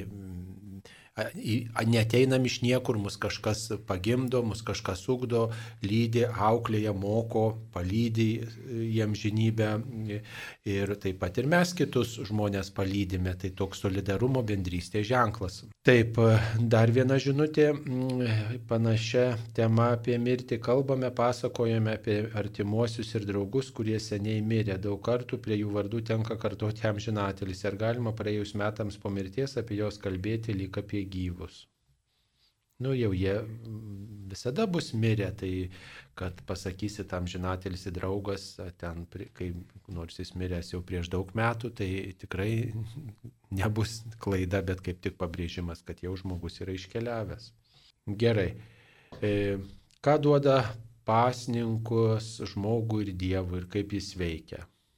Tai čia vienas yra iš gavėnios e, paraginimų ir pasiryžimų puikiai žinome bažnyčios, e, bažnyčiose skaitomos pelinų dienos Evangelijos žodžius, kurioje esam kviečiami pasninkui maldai ir išmaldai. Ir iš esmės tie trys dalykai yra labai tampriai tarpusavėje susiję. E, visų pirma, pasninko, kadangi klausimas yra apie jį, e, esmė yra pati pagrindinė tokia, kad aš atsisakau kažko, kas man yra būtina, kad gyvenčiau, kas man yra labai svarbu, tam, kad atsiribočiau nuo tų žemiškų dalykų ir pakreipčiau savo mintis į Dievą, į amžinuosius dalykus. Ir iš esmės tai yra pirminis veiksmas pasninkas. Pasninkas paruošia mūsų širdies, mūsų nusistatymo dirba maldai, kad ta malda būtų produktyvesnė, kad nebūtų mūsų skrandžiai aptukę nuo gerybių gausumos ir nuo gerybių e, pertekliaus, kai net neįvertinam to, ką turim. Tai visų pirma, pasninko užduotis mums priminti tai, kad vertintume tai, ką turime. Ir galiausiai jisai paruošia mūsų širdį irgi maldai. Ir galiausiai antrasis žingsnis malda už pasaulį, už save patį, už nusidėjėlių atsivertimą irgi e, yra pasninko vaisius, taip galima būtų. Vienas iš pasninko vaisių yra malda ir iš maldos kyla trečiasis e, gavėnios pasirežimas išmalda. Maldoje žinau, dėl ko kažko atsisakiau ir maldoje galiu atrasti konkrečių atsakymų, kaip panaudoti tą atsisakymą, skiriant laiko kitam, skiriant jam e, pagalbą maisto produktais arba konkrečią finansinę pagalbą e, padėti tam žmogui, kuris stokoja ir tokiu būdu irgi įvertinti tai, kad e, padėkoti Dievui už tai, ką turiu ir mokytis dalintis su kitais. O Dievui kiek tas pasninkas gali būti svarbus? Dievui pasninkas yra svarbus tiek, kiek mes jį sąžiningai ir sąmoningai atliekame, e, parodydami savo norą būti vienybėje su Dievu pagal mūsų laisvą valią. Dievas mums pasninko neprimeta, Dievas mums neprimeta maldos, Dievas mums neprimeta išmaldos, bet yra mūsų laisvas atsakas Dievui ir Dievas tikrai įvertina mūsų pastangas, net jeigu dažnu atveju mums nepavyksta laikytis net ir kilniausių, atrodo, o kartais ir pačių paprasčiausių pasiryžimų. Nu, tai yra visų pirma Dievui turbūt toks parodymas, kad man svarbus kitas žmogus, kad pavyzdžiui kažką sutaupau, nevalgau, pasidalinu. O kita vertus, kad aš ne tik, ne, ne tik apie maistą galvoju, kaip pavalgyti, bet aš keliu mintį ir aukščiau galvoju apie darybę, kokią įgyti, galvoju, kaip įgyti artimo meilės, kaip suvaldyti savo instinktus, kaip daugiau mylėti, tarnauti kitiems, kaip galvoju daugiau apie Dievą, kai aš parodau tokį solidarumą Dievo akivaizdu, ypatingai penktadienis, tai yra solidarumas ir su Kristumi kenčiančiu, ne, kurio kančią prisimenu, išgyvenu virš laiko tą kančią, tas ta mirtis yra, tai aš va tokią bendrystę su kenčiančiu Kristumi išgyvenu ir tas Dievui svarbu, kaip maldos būdas, kaip tam tikras ketinė praktika, toks e, mano tikėjimo išraiška tam tikra. Kadangi dar klausimas irgi susijęs su pasningu, tai matau, manau čia irgi tokio platesnio konteksto, kad e, pagal bažnyčios nuostatas e, per visus metus mes turime tris pasninko dienas. Tai yra Pelinų trečiadienis ir didysis penktadienis, bei Lietuvoje kūčių diena yra pasninkas. Ir pasninkas iš esmės tai yra vieną kartą pavalgyti sočiai, aišku, ir be mėsos patiekalų, pavalgyti sočiai, pavyzdžiui, per piet, o per pusryčius ir vakaryje ne tik lengvai užkasti. Tie, kurie gali, visą dieną pasninkauja su duona ir vandeniu ir tai yra pagirtina ir sveikintina, bet irgi svarbu įvertinti savo galimybės, kaip aš galiu pasninkauti. Tuo tarpu visi kiti metų penktadieniai yra tik susilaikimas nuo mėsos patiekalų. Tai nėra pasninkas griežtąją prasme, tai yra tik abstinencija arba susilaikimas. Tačiau gavėnios metu esame kviečiami daugiau patys prijungti e, savo arba pasiryšti, pasninkauti ir daugiau dienų pasiruošiant Velykų slėpiniui ir tokiu būdu irgi žadinant tą dėkingumą ir Dievui už visą tai, ką turime ir irgi kreipti savo mintis ir savo širdį e, link dangaus karalystės link ir prisikelimo ir amžino gyvenimo slėpinio link. Aišku, kas pasirenka pasninkauti tokia griežta prasme, net ir penktadienį, tikrai kiekvieną penktadienį ir net trečiadienį yra tokia tradicija pasninkauti duona vandeniu, tai tikrai na, tokia sketinė e, atsiteisimo, permaldavimo forma renkasi, bet reikia saugotis nuo puikybės ir pasitarti visuomet su savo nuodėmklausiu. Ir dar panašus klausimas šią temą, jeigu per gavienę mūsų šeimoje yra vaiko gimtadienis, kaip išvesti, minėti, visada jaučiu viduje prieštaravimus. Tai gavienius gimtadienis, tai čia man yra labai artimas dalykas, nes mano gimtadienis irgi visada yra per gavienę. Va, tai kaip ir, švenčiate? Ir, ir nėra, nėra kitokių galimybių. Tai tiesiog visų pirma e, į, įsivardinti, kodėl tą gimtadienį švenčiu taip, kad e, arba švenčiame artimųjų gimtadienius, tai visų pirma įvertinti to žmogaus gyvybės dovaną, kurią gavo iš Dievo, kurio e, tos gyvybės perdavėjai yra tėvai, kurie dalyvauja ypatingai Dievo kūrimo plane. Ir tai yra esminis gimtadienio e, turbūt užduotis padėkoti Dievui už suteiktą gyvybės dovaną. Tiek man, jeigu tai būtų mano asmeninis gimtadienis, tiek e, švenčiant kitų gimtadienius. Ir gimtadienio šventimas e, niekaip e, nėra griežtai susijęs su skambia muzika, su didelė šventė ir puota.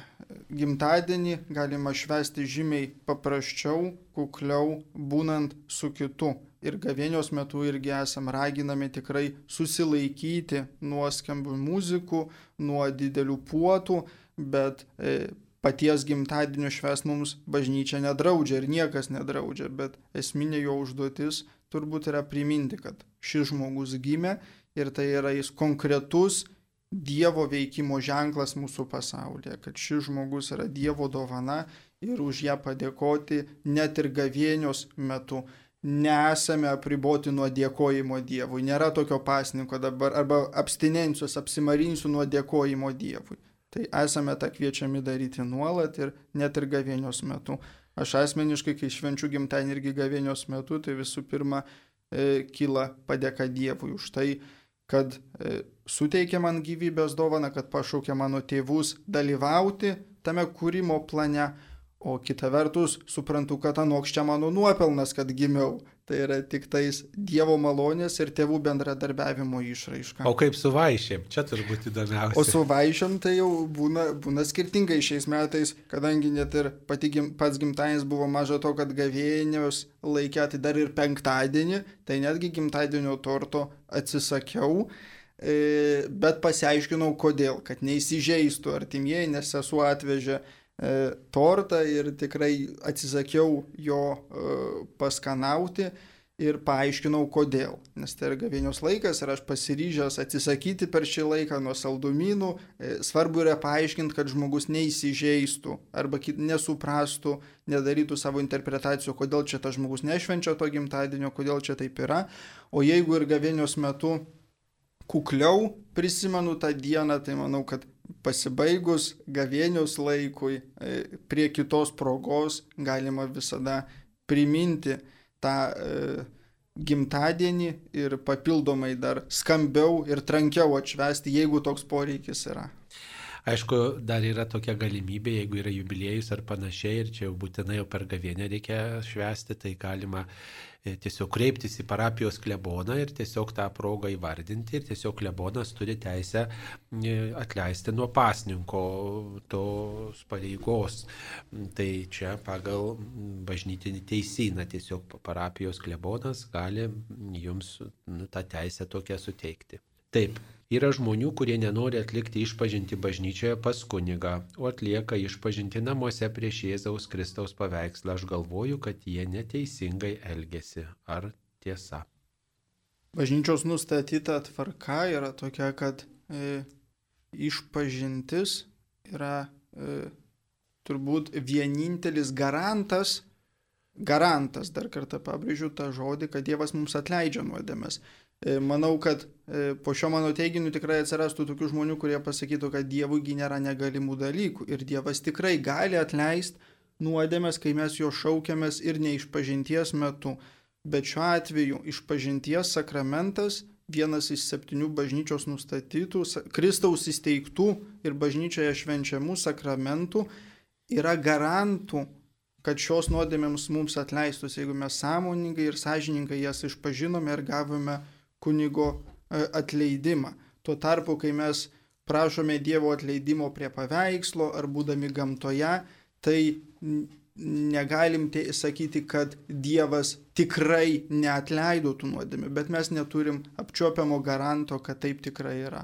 Ir mums žmonėms yra svarbu tikrai matyti, kad regima ženklą, girdėti kunigo tariamus išreišimo žodžius, kad mes visų pirma patys patikėtume tuo, kad Dievas, dievas mums atleidžia e, nuodėmės. Ir kunigo buvimas išpažinties sakramente yra tik kaip tarpininko tarp Dievo ir žmonių E, kuris Jėzaus vardu, ne savo vardu išrešia mus iš nuodėmių. Ir tas nuodėmių e, atleidimas susijęs su prieš tai buvusia išpažintimi yra tikrai garantas to, kad Dievas mums tikrai atleidžia nuodėmės, nors jam nėra negalimų dalykų ir jis gali jas atleisti ir kitų būdų, bet mes nesam garantuoti, kad jis tą padaro. Bet to išpažinties ėjimas tai yra nuolankumo ūkdymas, o nuolankumas yra viena didžiausių darybių. E, kodėl tas žmogus, pavyzdžiui, neina išpažinties pas kunigą, nes gal gėda pasakyti, gėda nesinori, va, ir, nes tai gali būti ir puikybės toks pasireiškimas, o kai aš ateinu ir nuolankiai išpažįstu savo klaidas, esu tiesoj, tai piktasis yra nuginkluojamas, žinokit, tas nuolankumas yra didelė pagalba žmogui kovoti su, su pagundomis, su, su įvairiomis nuodėmėmis ir tikrai mm, labiau išpažinus kunigui, kad ir pačiam neverčiausiam kunigui nuodėmės, labiau tą nuolankumą įgysit, negu kad prieš paveikslą išpažindami. Reiškia, tikrai tai yra mm, reikalingesnis būdas. Ir be to dar aspektas toks yra, yra ir atgailos pasirinkimas, ir yra tam tikras galbūt išvalgos momentas, išpažintis truputėlį susijusi ir su dvasiniu palydėjimu, tai yra ir tam tikros gal krypties parodimas, patarimas, paskatinimas, kuris ateina iš paties Dievo, nors ir per patį neverčiausią kunigą. Taip, Dar viena žinutė. Ar neseimas kuria priešiškumą svarstydamas prieštaringai vertinamus teisės aktus? Kas turi patylėti? Patylėti turi tie, kurie linki blogą, daro nuodėmę. Tai čia uh, tiems reikėtų patylėti, kurie sako blogus žodžius. O taip, tas, kas prieštaringai vertinamus įstatymus svarsto, aišku, kad yra to priešiškumo, žinoma kalbėti ir išreikšti savo poziciją, pilietinę poziciją, tai čia turbūt kiekviena, kiekvieno, kiekvieno, kiekvienam skirtoji užduotis. Ar galima pagal žydų vaikų auklėjimą ugdyti katalikų vaikus? Na, toks e, pakankamai sunkus klausimas. E, kita vertus, e, na gal ne, ne tiek, kad kita vertus, bet pradedant nuo to, kad mūsų krikščionių tikėjimo šaknis, katalikų šaknis e, slypi Senajame testamente, kuri, kuriame yra nemažai, kuriam iš esmės yra pertekęs irgi e, išrinktosios tautos mokymo, e, kaip reikia auklėti vaikus, kaip reikia rūpintis gerbuvių šeimos, artimųjų e, turto, tai visų pirma yra tai Dievo žodis. Tai yra Dievo padiktuotas die žodis, kuris mus kviečia e, tikėti tuo, ką jisai skelbia ir pagal tai gyventi. Tačiau jau konkrečios e, disciplinos arba vaiko auklėjimo tradicijos tai yra pakankamai e, tampriai susijusius su žmonių kultūra, žmonių mentalitetu, tai galima būtų pasakyti. Ir vėlgi, ką norima pasakyti tuo klausimu, ar galima auklėti e, vaikus krikščionių pagal žydų tikėjimo papročius arba pagal žydų e, išrinktosios tautos mokymo kažkokius tai principus, tai žinome, kad vienas iš tokių principų gali būti akis už akį, dantis už dantį. Tai manau, kad šis principas nebūtų tinkamas krikščioniškai pozicijai ir krikščionių laikysenai, kai esame kviečiami į meilės santyki e, su kito žmogaus atžvilgio, e, mokantis iš paties Jėzaus Kristaus. Tai manau, kad yra dalykų, kuriuos tikrai galima būtų perimti, bet nebūtinai jie yra tinkami ir juolab, kad ir tie, kuriuos mes žinome iš Senojo testamento, iš išrinktosios tautos istorijos, mokymo priemonės, na, dabar jau būtų nepriimtinos. Na, pavyzdžiui, viena iš jų, kad to meto kultūroje ir išrinktosios tautos kontekste mokymą tokį kaip gaudavo tik vyriškos lyties atstovai. Tuo tarpu moteris ir merginos neturėjo tokias galimybės. O dabar esame kviečiami tikrai e, ir, ir matome savo aplinkoje, kad tiek vieni, tiek kiti turi teisę gauti e, išsilavinimą ir mokytis tam tikrų dalykų. Internete paskelbta, kad paminėti trys tačiatikiai lietuviai išventinti popiežiaus Pauliaus VI. Kaip tada yra? Na, čia klausimas truputį netikslus yra. E, trys e, stačiatikiai kankiniai, kurių relikvijos saugomos Vilniaus Šventosios dvasios vienuolyno bažnyčioje. E, Antanas Jonas ir Eustachijus, jie yra nužudyti 1347 metais ir turbūt maždaug po 30 metų jie paskelbti šventaisiais. E, jie buvo kunigaikščio Algirdo dvariškiai mm, ir nužudyti dėl to, kad buvo tikinti žmonės. Ir jie mm, popiežiaus Pauliaus VI nėra išventinti, bet jie 1969 metais įtraukti į Romos katalikų bažnyčios šventųjų sąrašą.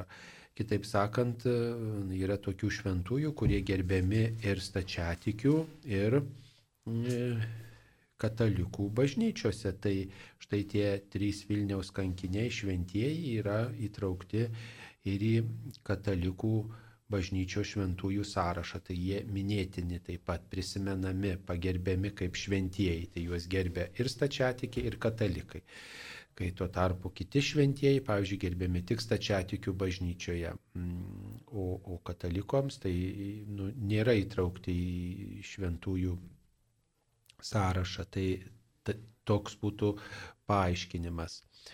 E, taip, dabar dar viena žinutė. Sausio 13-ąją kunigas Grigas suteikė nuodėmio atleidimą bei išpažinties. Gal plačiau apie šią liturginę apėgą paaiškintumėte. Tai e, čia e, liturginė apėga tokia, kad kritiniu atveju kunigas e, suteikia generalinę absoliuciją be e, asmeniškos išpažinties, kitaip sakant, atleidžia nuodėmės be išpažinties, e, nes neįmanoma dėl įvairių aplinkybių jos atlikti. Ir tada, jeigu žmogus miršta, štai, tai, na, nėra taip, kad jis mirtų su sunkia nuodėmė. Tos nuodėmės yra jam, reiškia, atleistos, tarsi jis būtų atlikęs išpažinti, bet lieka pareiga pavojui praėjus, ne, išpažinti nuodėmės, išpažinti nuodėmės asmeniškai, va, ta pareiga išlieka. Jeigu žmogus nemiršta, pavojus praeina, toliau, va, pavyzdžiui, padarė, padaręs esu kažkokią nuodėmę, buvo padaręs, toliau turiu ją išpažinti, artimiausių išpažinti. Jo, ir ta, ta esminė sąlyga tai yra realus mirties pavojus. Ar tai būtų lėktuvo katastrofa, laivo katastrofa, sausio 13 atveju, tai tikrai reali galimybė, kad bus Seimas šturmuotas ir kokios to galėjo būti pasiekmes, galima buvo tik numanyti ir todėl buvo imtasi tokios priemonės ir tai yra leistina priemonė konkrečiame mirties pavojaus atveju. Ja. Taip, dabar mums paskambino Antanas iš Klaipėdos, taigi gerbiamas Antanui, užduokite savo klausimą. Garbėsiu Kristui. Per amžius. Taip, mane, kaip ir viso pasaulio tikinčiuosius, labai sukrėti karas Ukrainoje. Popiežius Pranciškus ragina visų pasaulio tikinčiuosius melstis už taiką Ukrainoje. Meldžiasi milijonai, galbūt milijardai žmonių, prašo Marijos užtarimų, kunigai laiko mišes, bet niekas nesikeičia. Žūsta vaikai, neiščiaus moterys, nekalti žmonės nejaugi dievas toks kietaširdis kur jo tas skelbiamas begalinis gailestingumas kur ta meilė? Žinokite žmonės praranda tikėjimą. Gal žmonėms reikia pasakyti tiesą tiesą kad jūs už viską bus atlyginta kaip sakant amžinybėje po mirties kaip čia yra žinokit? Kur tas kur tas gailestingumas? Vakar vakar popiežius pa paaukojo ukrainą ir rusiją marijos nekaltai širdžiai. Nu bet niekas nesikeičia toliau žūsta tūkstančiai žmonių badauja kardinolai vatikano kardinolai paragino toliau pati pasitikėti dievu daug melstis ir pasninkauti tai tai ukrainiečiai miršta iš bado kiti neturi ką valgyt lietuvoj kas ketvirtas žmogus žemiau skurdo ribos gyvena afrikiečiai badauja. Tai, nu, aš nesuprantu, prašau atsakykite apie tą Dievo gailestingumą. Ačiū už jūsų susirūpinimą. Taip, kaip galima atsakyti? E, atsakymui turbūt pasiremčiau e, vakar dienos e, arkiviskupo Gintoro Grušo mintimi, kurią jisai pasidalino prieš paukojimo aktą, kurį skaitėme katedroje po šventųjų mišių prie įstatyto švenčiausio sakramento. Ir jisai iš esmės irgi atliepia į tai, kad atrodo mes dabar paukosim tą aktą, sukalbėsime tą aktą, melsimės ir atrodo, kad čia tuoj pat viskas pasikeis. Ir jisai labai aiškiai pasakė ir nedviprasmiškai, kad malda nėra magiška formulė, kurią sukalbėjus tuoj pat įvyksta stebuklas. E, mūsų pareiga yra melstis ir prašyti to, ko mūsų supratimu šiuo metu labiausiai reikia toms šalims - taikos, ramybės, kad nutiltų ginklai, kad nežūtų e, žmonės, nebūtų liejamas kraujas, bet mūsų malda yra konkreti išraiška, kad mes tam nepritarėm tokiems veiksmams ir prašome Dievo e, pagalbos šioje srityje. Tačiau e, vėlgi kalbant apie tą Dievo gailestingumą, kuri, apie kurį buvo užsiminta, tai Dievas negali apriboti mūsų laisvos valios. Ir tai, kad vyksta karas, tai nėra Dievo darbas, bet Dievas irgi nesikesina į žmogaus laisvą valią. Jisai ją, jam suteikia kūrimo momentų ir žinome iš pradžios knygos, kad būkite laisvi. Esame pašaukti į laisvę ir Dievas negali va dabar padaryti ir kad dabar apribosiu tavo laisvę ir padarysiu tave į taikos E, kažkokiu įkaitu savotiškai, kad suryšiu rankas ar su, supančiosiu kažkokiais raiščiais, kad tu to nedarytum, bet iš esmės Dievas gerbė mūsų laisvą valią ir čia jau yra mūsų žmonių turbūt nuodėmės pasiekmė, kad mes nesugebam pripažinti, kad darom kažką blogai ir toliau tą, tą vykdom. Taip, mūsų reikalas melstis ir pasinaudoti tos priemonėmis, kurios, tomis priemonėmis, kurios palikto šventajame rašte, kurios per visą bažnyčios praktiką buvo sėkmingai išbandytos ir kurios visų pirma mūsų tikėjimą stiprina ir kurios, reiškia, yra na, pavedimas žmonijos istorijos Dievo planui, atvirumas Dievo tiesai. O tikrai jūsų yra labai gera tiesa, kad mes amžinybėje atsijimsim visą, visą savo užmokestį, ne už savo įtarumą, abejingumą, blogą valią, už, už savo už savo, reiškia, tokį gal nu, netinkamą elgesį, netinkamą nuostatą, tai tikrai turbūt e, svarbu ir mums atsiversti. Tas karas tai ir ženklas pasauliu, ne tik tai mes prašom taikos, bet ir prašom atsivertimo. Ne veltui vakar buvo ne tik tai popiežius paukojo, bet ir buvo organizuojamos atgailos pamaldos. Pats popiežius priejo iš pažinties, daugybė kunigų, kardinolų ir pasauliečių ir vienuolių ėjo iš pažinties Švento Petro bazilikoje ir tai yra atsivertimo skatinimas. Taip pat tas karas juk ženklas, kad galim visi pražūti, tai žmonija atsiverskite, jeigu krikščionys labiau atsiverstų, netikintys atsiverstų žmonės prie Dievo, tai, tai, tai ir tas karas tikriausiai liautųsi, jeigu, jeigu tie, kurie kelia ginklą blogos valios žmonės, jie atsiverstų į Dievą, tai ir karas liautųsi. Tai e, mes pavedam Dievui visą žmoniją, Ukrainą, Rusiją, bet ir patys turim, kaip sakom, atlikti savo uh, namų darbus ir patys uh, keistis. Taip, mums tokia žinutė dar atsiuntė. Kai kunigas mišiuose papildomai primena atsiklaupti arba sako, galite atsisėsti, atsistoti, yra gerai. Jei kas iš mišiuose esančio jaunimo neatsiklaupia, tai nepasakyčiau, kad dėl nenorų. Dažniausiai taip nutinka dėl nesusiorientavimo, galbūt pasimetimo, pagaliau ir jaunam žmogui atsiklaupti gali sunku, gali būti sunku dėl kojos traumos. Ką apie tai galvoja kunigai? Tai turbūt tos nuomonės gali būti įvairios, įvairios, tokios kokios kyla ir bendrai tikintiesiems, kai matome šalia, kad kažkas elgės ne pagal e, liturginę praktiką, kad čia dabar reikia sėdėti, dabar reikia atsiklaupti, dabar reikia stovėti, bet esminė turbūt užduotis, ir, kuri nėra iš lengvųjų, tikrai neteisti ir nevertinti prieš laiką to žmogaus. E, šios dienos Evangelijos pavyzdys labai gražus kai du žmonės ateina melstis, vienas iš jų muitininkas, kitas fariziejus ir fariziejus pribėgęs kuo arčiau e, Dievo buvimo sinagogos priekyje iš karto pradeda sakyti, jo malda yra iš esmės pasigyrimas Dievo akivaizdoje, koks aš geras, pasninkauju, e, dalyjų išmaldą ir nesu toks kaip tas, kuris stovi prie durų. Ir dažnu atveju mes dažniau besilankantieji bažnyčioje, tikrai tikintis ir praktikuojantis žmonės irgi galime būti pikto apgau, velnio apgaud, apgaudinėjami tuo, kad mes čia esam geresni ir dabar va, tai tas, kuris šalia mane stovi, neatsiklaupia, arba tas, kuris šalia mane stovi, kažkaip kitaip elgės, tai jis yra kažkuo tai blogesnis už mane. Tai tiesiog nevertinti ir, ir neteisti žmogaus dėl jo tokio elgesio, nes mes galiausiai ir taip nežinom, kas yra jo širdyje, kodėl jis taip daro arba kažko nedaro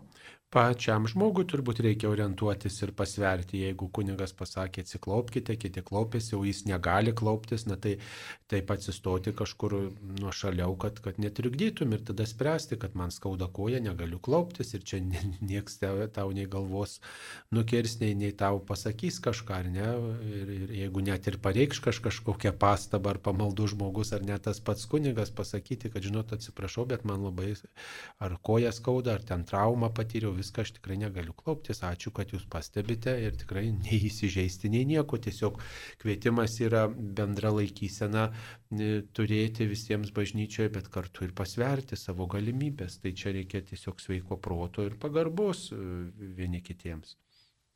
Taip, dar viena žinutė, e, motina Teresė buvo labai garsi, ar ji ir šventąją paskelbta. Taip jau minėjome, kad motina Teresė šventąją paskelbta 2016 metais, rugsėjo 4 dieną. Ta padarė popiežius Pranciškus ir tikrai motina Teresė yra tarnystės vargšams pavyzdys, vargšų globėja ir tikrai puikus jos gyvenimas puikus argumentas, ypač kalbantis su netikinčiai žmonėmis ir kalbant e, tikrai ją prisiminti verta ir kalbant apie tai, kodėl jį tarnavo vargšams, kodėl jį pasišventė e, vargšų globai, kodėl jį būtent ėjo e, pas tuos galingosius ir sakė, kad, kad taiką pasaulį gali įvesti tik tai abortų, tas uždraudimas gyvybės tas gerbimas, nes čia yra taikos pradžia, tai tiesiog kalbėti apie tokį žmogų tikrai jinai, yra liūdėjimas mūsų laikams, kad Dievas yra motinos Teresės gyvenimas ir jos istorija.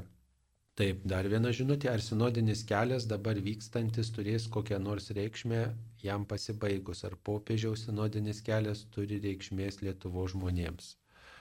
Nu tai aišku, kad turi, turi reikšmės visų pirma, kad žmonės susėdę kalbasi, svarsto tikėjimą, da, pasakoja, da, ne tik tai ten palinksi galvom, bet ir, ir, ir jie svarsto įvairius klausimus. Yra tiesiog toks pagyvinimas visų pirma pačios bendruomenės ir pati bendruomenė gali pasinaudoti kunigas, kuris iš, iš, išklauso tuos prašymus, pageidavimus, kritiką, įžvalgas, tikrai gali prisidėti, kad na, tas gyvenimas keistųsi, jau be to patys žmonės tampa aktyvesniais. Jau pats tas sinodo procesas jau yra sėkmė, kad žmonės kalbasi ir pritaiko vieną ar kitą dalyką, o e, galbūt, e, taip sakant, apibendrinus tas išvalgas tikrai gal kažkas pasirodys dar naujo įdomaus ir, ir, ir vertingo. Tai, e, tai čia tikrai verta, verta svarstyti tuos dalykus ir tikrai Marijos radijas prie to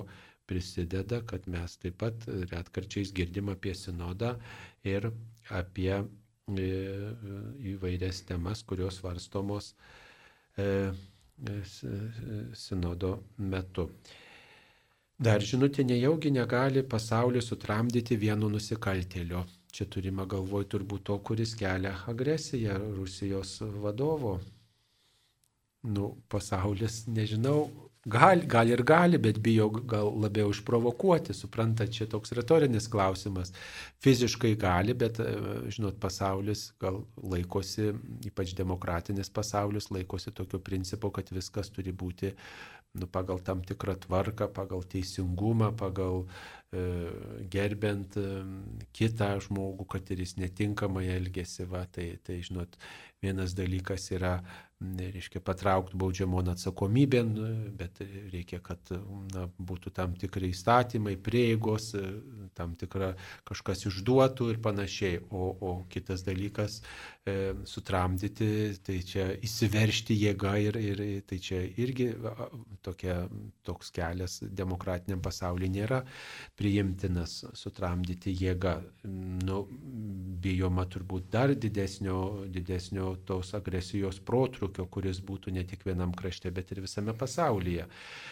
Na tai pasinaudokim kvietimu melstis už nusidėlių atsivertimą ir, žinot, tik iš tikėjimo požiūrių žiūrint, net ir didžiausias blogą darantis žmogus, jisai gali atsiversti, gali pasikeisti. Mes nežinom Dievo plano ir žinom, kad vis dėlto net didžiausią blogį Dievas gali panaudoti gėriui. E, gėriui. Net ir tų nekaltų žmonių vargą, kančią Dievas gali na, panaudoti panaudoti daugelio žmonių praregėjimui. Nu vien tik tas dalykas, kad pasaulis susivienijo, kad pasaulis net iliuzijos tos nukrito, kad na, va, štai Rusijoje su Rusija galima susitarti ir panašiai. Na, va, daugeliu žmonių nukrito tokia iliuzija, nukrito šydas ir pamatė, kad va, su agresyviai nusiteikusiu žmogumi yra labai keblu kalbėti, suvesti dialogą su, su agresyviai nusiteikusia bendruomenė, yra sunku kalbėtis logišką kalbą, dėstyti argumentus, priimti tam tikras sutartys, įsipareigojimus, tai jau tai yra na, nemažas laimėjimas, bet matot, nu, brangią kainą reikia kartais mokėti. Nu, kad ir paprastas dalykas, kodėl žmogus nesišaukia Dievo, kai yra gerai, bet kai blogai Dieve padėk, Dieve pasigailėk kad net ir štai ir Lietuvoje girdim, nenoriu čia pavardžių vardinti, bet net tie žmonės, kurie buvo priešiškai nusiteikę tikėjimo atžvilgių ir bažnyčios atžvilgių, net ištarė tokius žodžius melskimės, kad ten liautųsi, belieka tik melstis. Tai jeigu jau netikinti žmogus ištarė maldo žodžius arba tas, e, kuris pikdžodžiauja prieš bažnyčią, vadinasi, tikėjimas beldžiasi ir jo širdį. Tai gal tai ir yra ta brangi kaina, kurią reikia mokėti kartais mokėti kartais už atsivertimą, žinot, nes kitaip žmogus, nu, jis yra pilnas puikybės, jo širdis kieta. Kodėl, pavyzdžiui, kartais, e, kai žmogus netenka turto, netenka artimųjų, jisai supranta, kad yra trapus, kad jam grėsia kažkas negero ir jis tada šaukėsi Dievo. Aišku, yra e, pavojus, kad jo širdis dar labiau užkėtės, bet e, na, yra ir tas mirties akivaizdumas visada, kada paskutiniu momentu galbūt žmogus supranta, kad nieko nebus iš to užkėtėjimo, kad tu ir pasiliksi amžiams toj kančioje, jeigu tu ne, neištiesi savo širdies, savo gyvenimo Dievui. Čia prie to paties tokia, e, teko girdėti tokia prieš kelias savaitės tokią repliką, e, kad mūsų okupacijos metais arba e, karo, pirmo, pirmojo arba antrojo pasaulinio karo metais daugelis tikrai tuo metu didvyrių e, kaip tokį kaip moto, kaip šūkis savo turėjo, kad einu mirti už tėvynės laisvę, einu mirti už taiką, už ramybę, už laisvę. Tačiau šio karo Ukrainoje kontekste vis suskambėjo e, toks posakis, kad einu žudyti dėl laisvės, einu žudyti dėl taikos. Tai jeigu tokios pozicijos laikytumės, laikytumėmės, tai tikrai prasilenktume su krikščioniškaja žinia ir, ir bažnyčios mokymu ir e, tuo, ką mes esame pakviesti. Tai tą apriboti vieną, kad visas pasaulis taikiai gyventų, E, vis tik koks tas yra apribojimas, ar ne, irgi galime išgirsti ir tokios nuomonės, kad, na, nėra žmogaus, nėra problemos, bet vėlgi tai gerokai prasilenkia su krikščioniškąją poziciją ir mūsų pašaukimu, e, kad mes tikrai gerbtume kito žmogaus gyvybę, kito žmogaus laisvę, kad ir koks tas žmogus galbūt mūsų supratimu būtų e, netinkamas užimti kažkokias pareigas ar net galbūt e, drįstume pasakyti, kad net netinkamas galbūt gyventi šiame pasaulyje, kodėl jis dar čia tebe gyvena, bet tai yra Dievo, dievo jau veiklos sritis, į kurią mes negalime verštis ir tai nėra mūsų e, pareiga ir mūsų teisė to daryti, bet mes esame kviečiami tikrai priimti kitą toks, koks jis yra ir mes galime e, smerkti e, nuodėmę, bet nenusidėjėlį. Tam esame kviečiami tikrai pasmerkti netinkamą veiksmą, su juo nesutikti, jam priešinti, su juo kovoti, bet negalime pasmerkti paties žmogaus. Taip, dar vienas dalykas, viena žinutė atsiusta, dažnai maldoj minim tebūnie šventų laikomas tavo vardas. Prašau, pasakykite, ar Dievas turi vardą. Tiesie šventas tavo vardas, taip, melžiamės tėvę mūsų maldoje. Tai turima galvoj ne tik vardas taip, kaip mes tą vardą suprantame, bet tai yra, reikia truputį plačiau žiūrėti, nes vardas, asmens vardas reiškia ir patį asmenį. Taigi tokiu būdu mes pagerbėme viešpatį ir trokštame, kad Dievas būtų gerbiamas žmonių širdyse, kad Dievas matytų tą žmogaus nuostatą e, su pagarba e, kreiptis į viešpatį ir matytų jo laikyseną, kuri yra pagarbos, meilės laikysena ir tai reiškia, kad žmogus savo gyvenime Dievą kelia į pirmą vietą. O Dievas savo vardą reiškia kaip e, ta, kuris yra santysis ir tai nuolat yra. Ir mes Dievą gerbiam kaip tą, kuris nuolat yra mūsų gyvenime, nedarydami nuodėmės, jam teikdami pirmenybę. Kitaip sakant, tai ne tik apie Dievą kalba, bet kalba ir apie žmogaus laikyseną šitoj vietoj. Mozei e, Dievas apreiškia savo vardą, kai Mozė sako, na va teisiu pas faraoną ir ką jam sakysiu, kad mūsų protėvio Dievas nori išvest e, šią tautą, bet kuo jis vardu, jeigu mane faraonas paklaus, ką jam turėčiau atsakyti. Ir tada Dievas iš to degančio krūmo sako, aš esu, kuris esu. Toks mano vardas visoms kartoms. Ir tai yra Senojo testamento vardas, Senajame testamente randamas apreikštas paties Dievo vardas. Na, o mums krikščionims tai be to yra ir kitas vardas, anot Pauliaus, apaštalo Pauliaus žodžio, kuris sako, kad nėra danguje, žemėje nei po žemėm kito vardo, kurio galėtume šauktis kaip mūsų viešpatės Jėzaus Kristaus vardo šaukiamės savo maldose, savo kasdieniuose rūpeščiuose ir nėra kito vardo, kuriuo galėtume pasiekti išganimą ir prašyti, kurio galėtume užtarimo. Tai Jėzus Kristus yra mums krikščionėms e, Dievas ir toks yra Dievo vardas. Ir jis irgi yra esantysis nuolat. Taip, dar žiūrime, kokios žinutės mums atsiųstos. Mm, oi, čia tokia ilga žinutė. Taip, labai ilga žinutė, čia užtruks perskaityti ir čia nelabai darniai parašyta. Tai mielus klausytojus prašome E, stengtis rašyti kuo sklandesnė kalba, nes mes e, turime galvoti, ką atsakyti, o ne, o, o ne e, kaip dar teisingai tą klausimą mm, išreikšti, suprasti, tai tikrai apsunkina, žinokit, darbą, kai yra paskiri žodžiai dar įvairiai, su įvairiais ženklais, tai tiesiog labai sunku išstudijuoti, yra tą studijuoti ir, ir suprasti.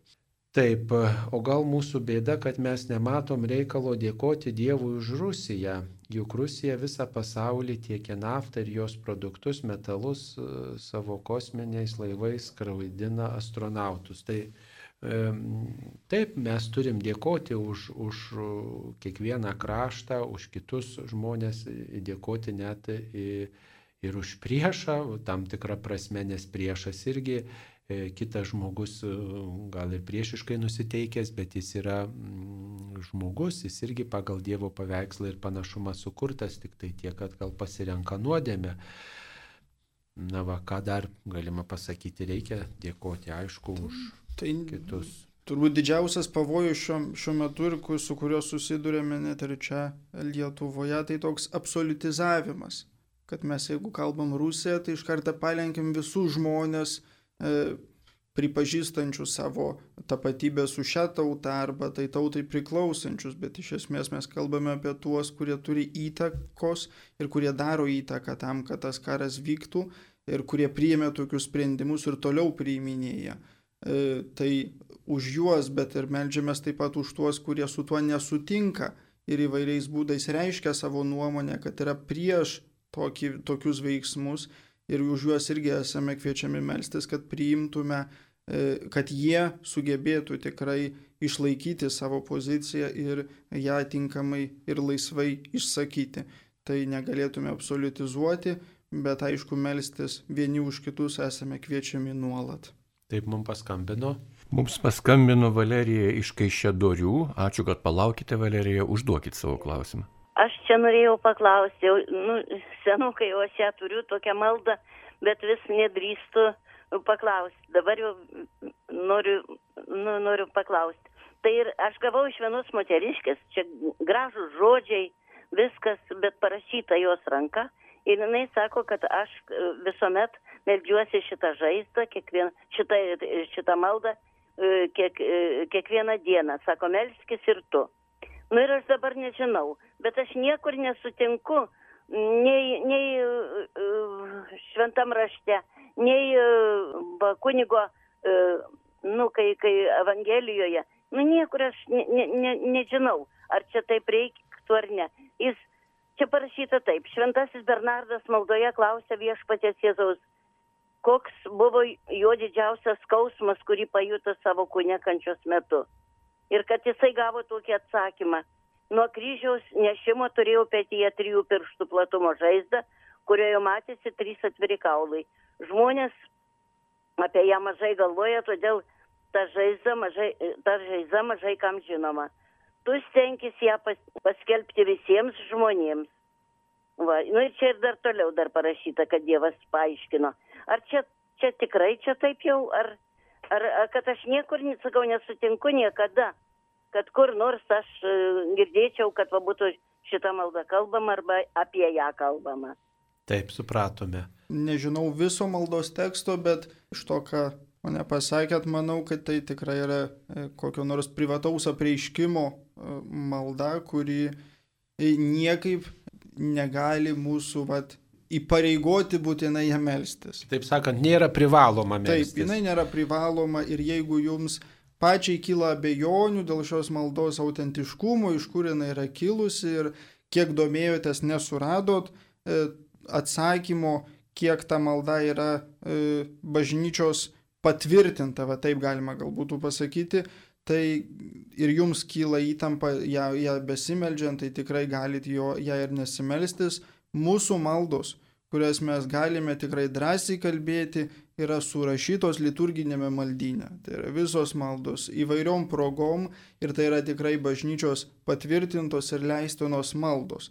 Tuo tarpu mūsų privačiam pamaldumui E, tai mes galime įvairias maldas ir savo sukurtas maldas kalbėti ir va tokio pobūdžio, kai jūs citavot, irgi galime kalbėti, bet e, jas reikia melstis tiek, kiek jos tikrai palenkia mus tikėjimui, tiek, kiek jos mums yra priimtinos ir tiek, kiek jos neužgožia triesmenio Dievo.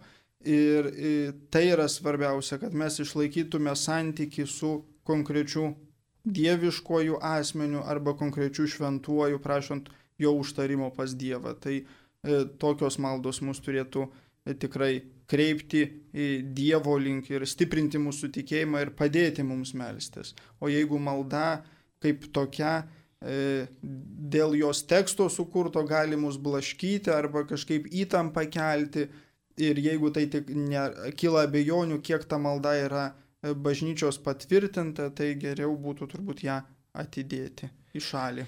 Na, tas Kristaus kančios apmąstymas, tai čia ypatingai viduramžiais tas pamaldumas klėstėjęs ir tikrai na, žmonės labai jautriai išgyveno Kristaus kančią ir daugybė šventųjų prašė to pažinimo, ką Kristus kentėjo pažinti, prašė vieną gal kančios aspektą, kitą kančios aspektą mystikai apie tą kančią rašė, tai susipažinti galima, bet visada turėkit galvoj, kad į vieną ten žaizdą susikoncentruoti labai truputį toks yra ribotumas. Matot, katalikų bažnyčia ir šventą raštą skaito ir tą Kristaus istoriją žvelgia į visumą. Žvelgia į visumą, net ir apreiškimai, vienas ar kitas konkretus apreiškimas, jis nėra taip pažodžiui pildomas ir pažodžiui priimamas, nes turima galvoj visa apskritai žmonijos išganimo istorija ir visa tikėjimo žinia. Ir tam, kad tas apreiškimas arba tikėjimo žinia ar tam tikras pamaldumas būtų priimtas, jisai turi kažkaip, e, na, kaip kaip sakytume, atitikti arba mm, kažkaip dėrėti su, su, su visa tikėjimo istorija. E, neturi ne tik, kad neprieštarauti, bet, bet kažkaip nu, įtilpti. Tai ir, pavyzdžiui, mąstyti apie Kristaus kančią yra kryžiaus kelias, kur, kur apmastom ir kad Jėzus kryžių nešė, ir kad buvo irškiečiais vainikuotas, ir kad buvo plakamas, ir viską reiškia visa Kristaus kančia. Jeigu mes dabar susitelkėm į vieną kančią, į vieną, į vieną žaizdą Jėzaus, tai kitas pamirštame, suprantate, taigi ir kitos žaizdos buvo. Viena gal buvo didesnė, viena skausmingesnė, bet ir kitos buvo. Tai, tai tiesiog patarčiau tikrai iš tokio nu, asmeniškos kunigo patirties, e, asmeniškos kunigo patirties e, šitą visumą žiūrėti, visumą. Tai tikrai, vat ir apie kančią mąstydama Kristaus ne tik vieną žaizdą galvokit, bet ir visas kitas žaizdas prisiminti prisiminkite. Ir dar viena žinutė, e, gal esam pasipūtę, kad nedėkojam už visą tai, ką suteikė Dievas. Taip, dėkingumas yra nuolankumo laikysena. Ne veltui sakydami ačiū, gal kartais ir galvą palenkėme. Taip, ačiū tau, kad atėjai, ačiū tau, kad apdovanojai, ačiū tau.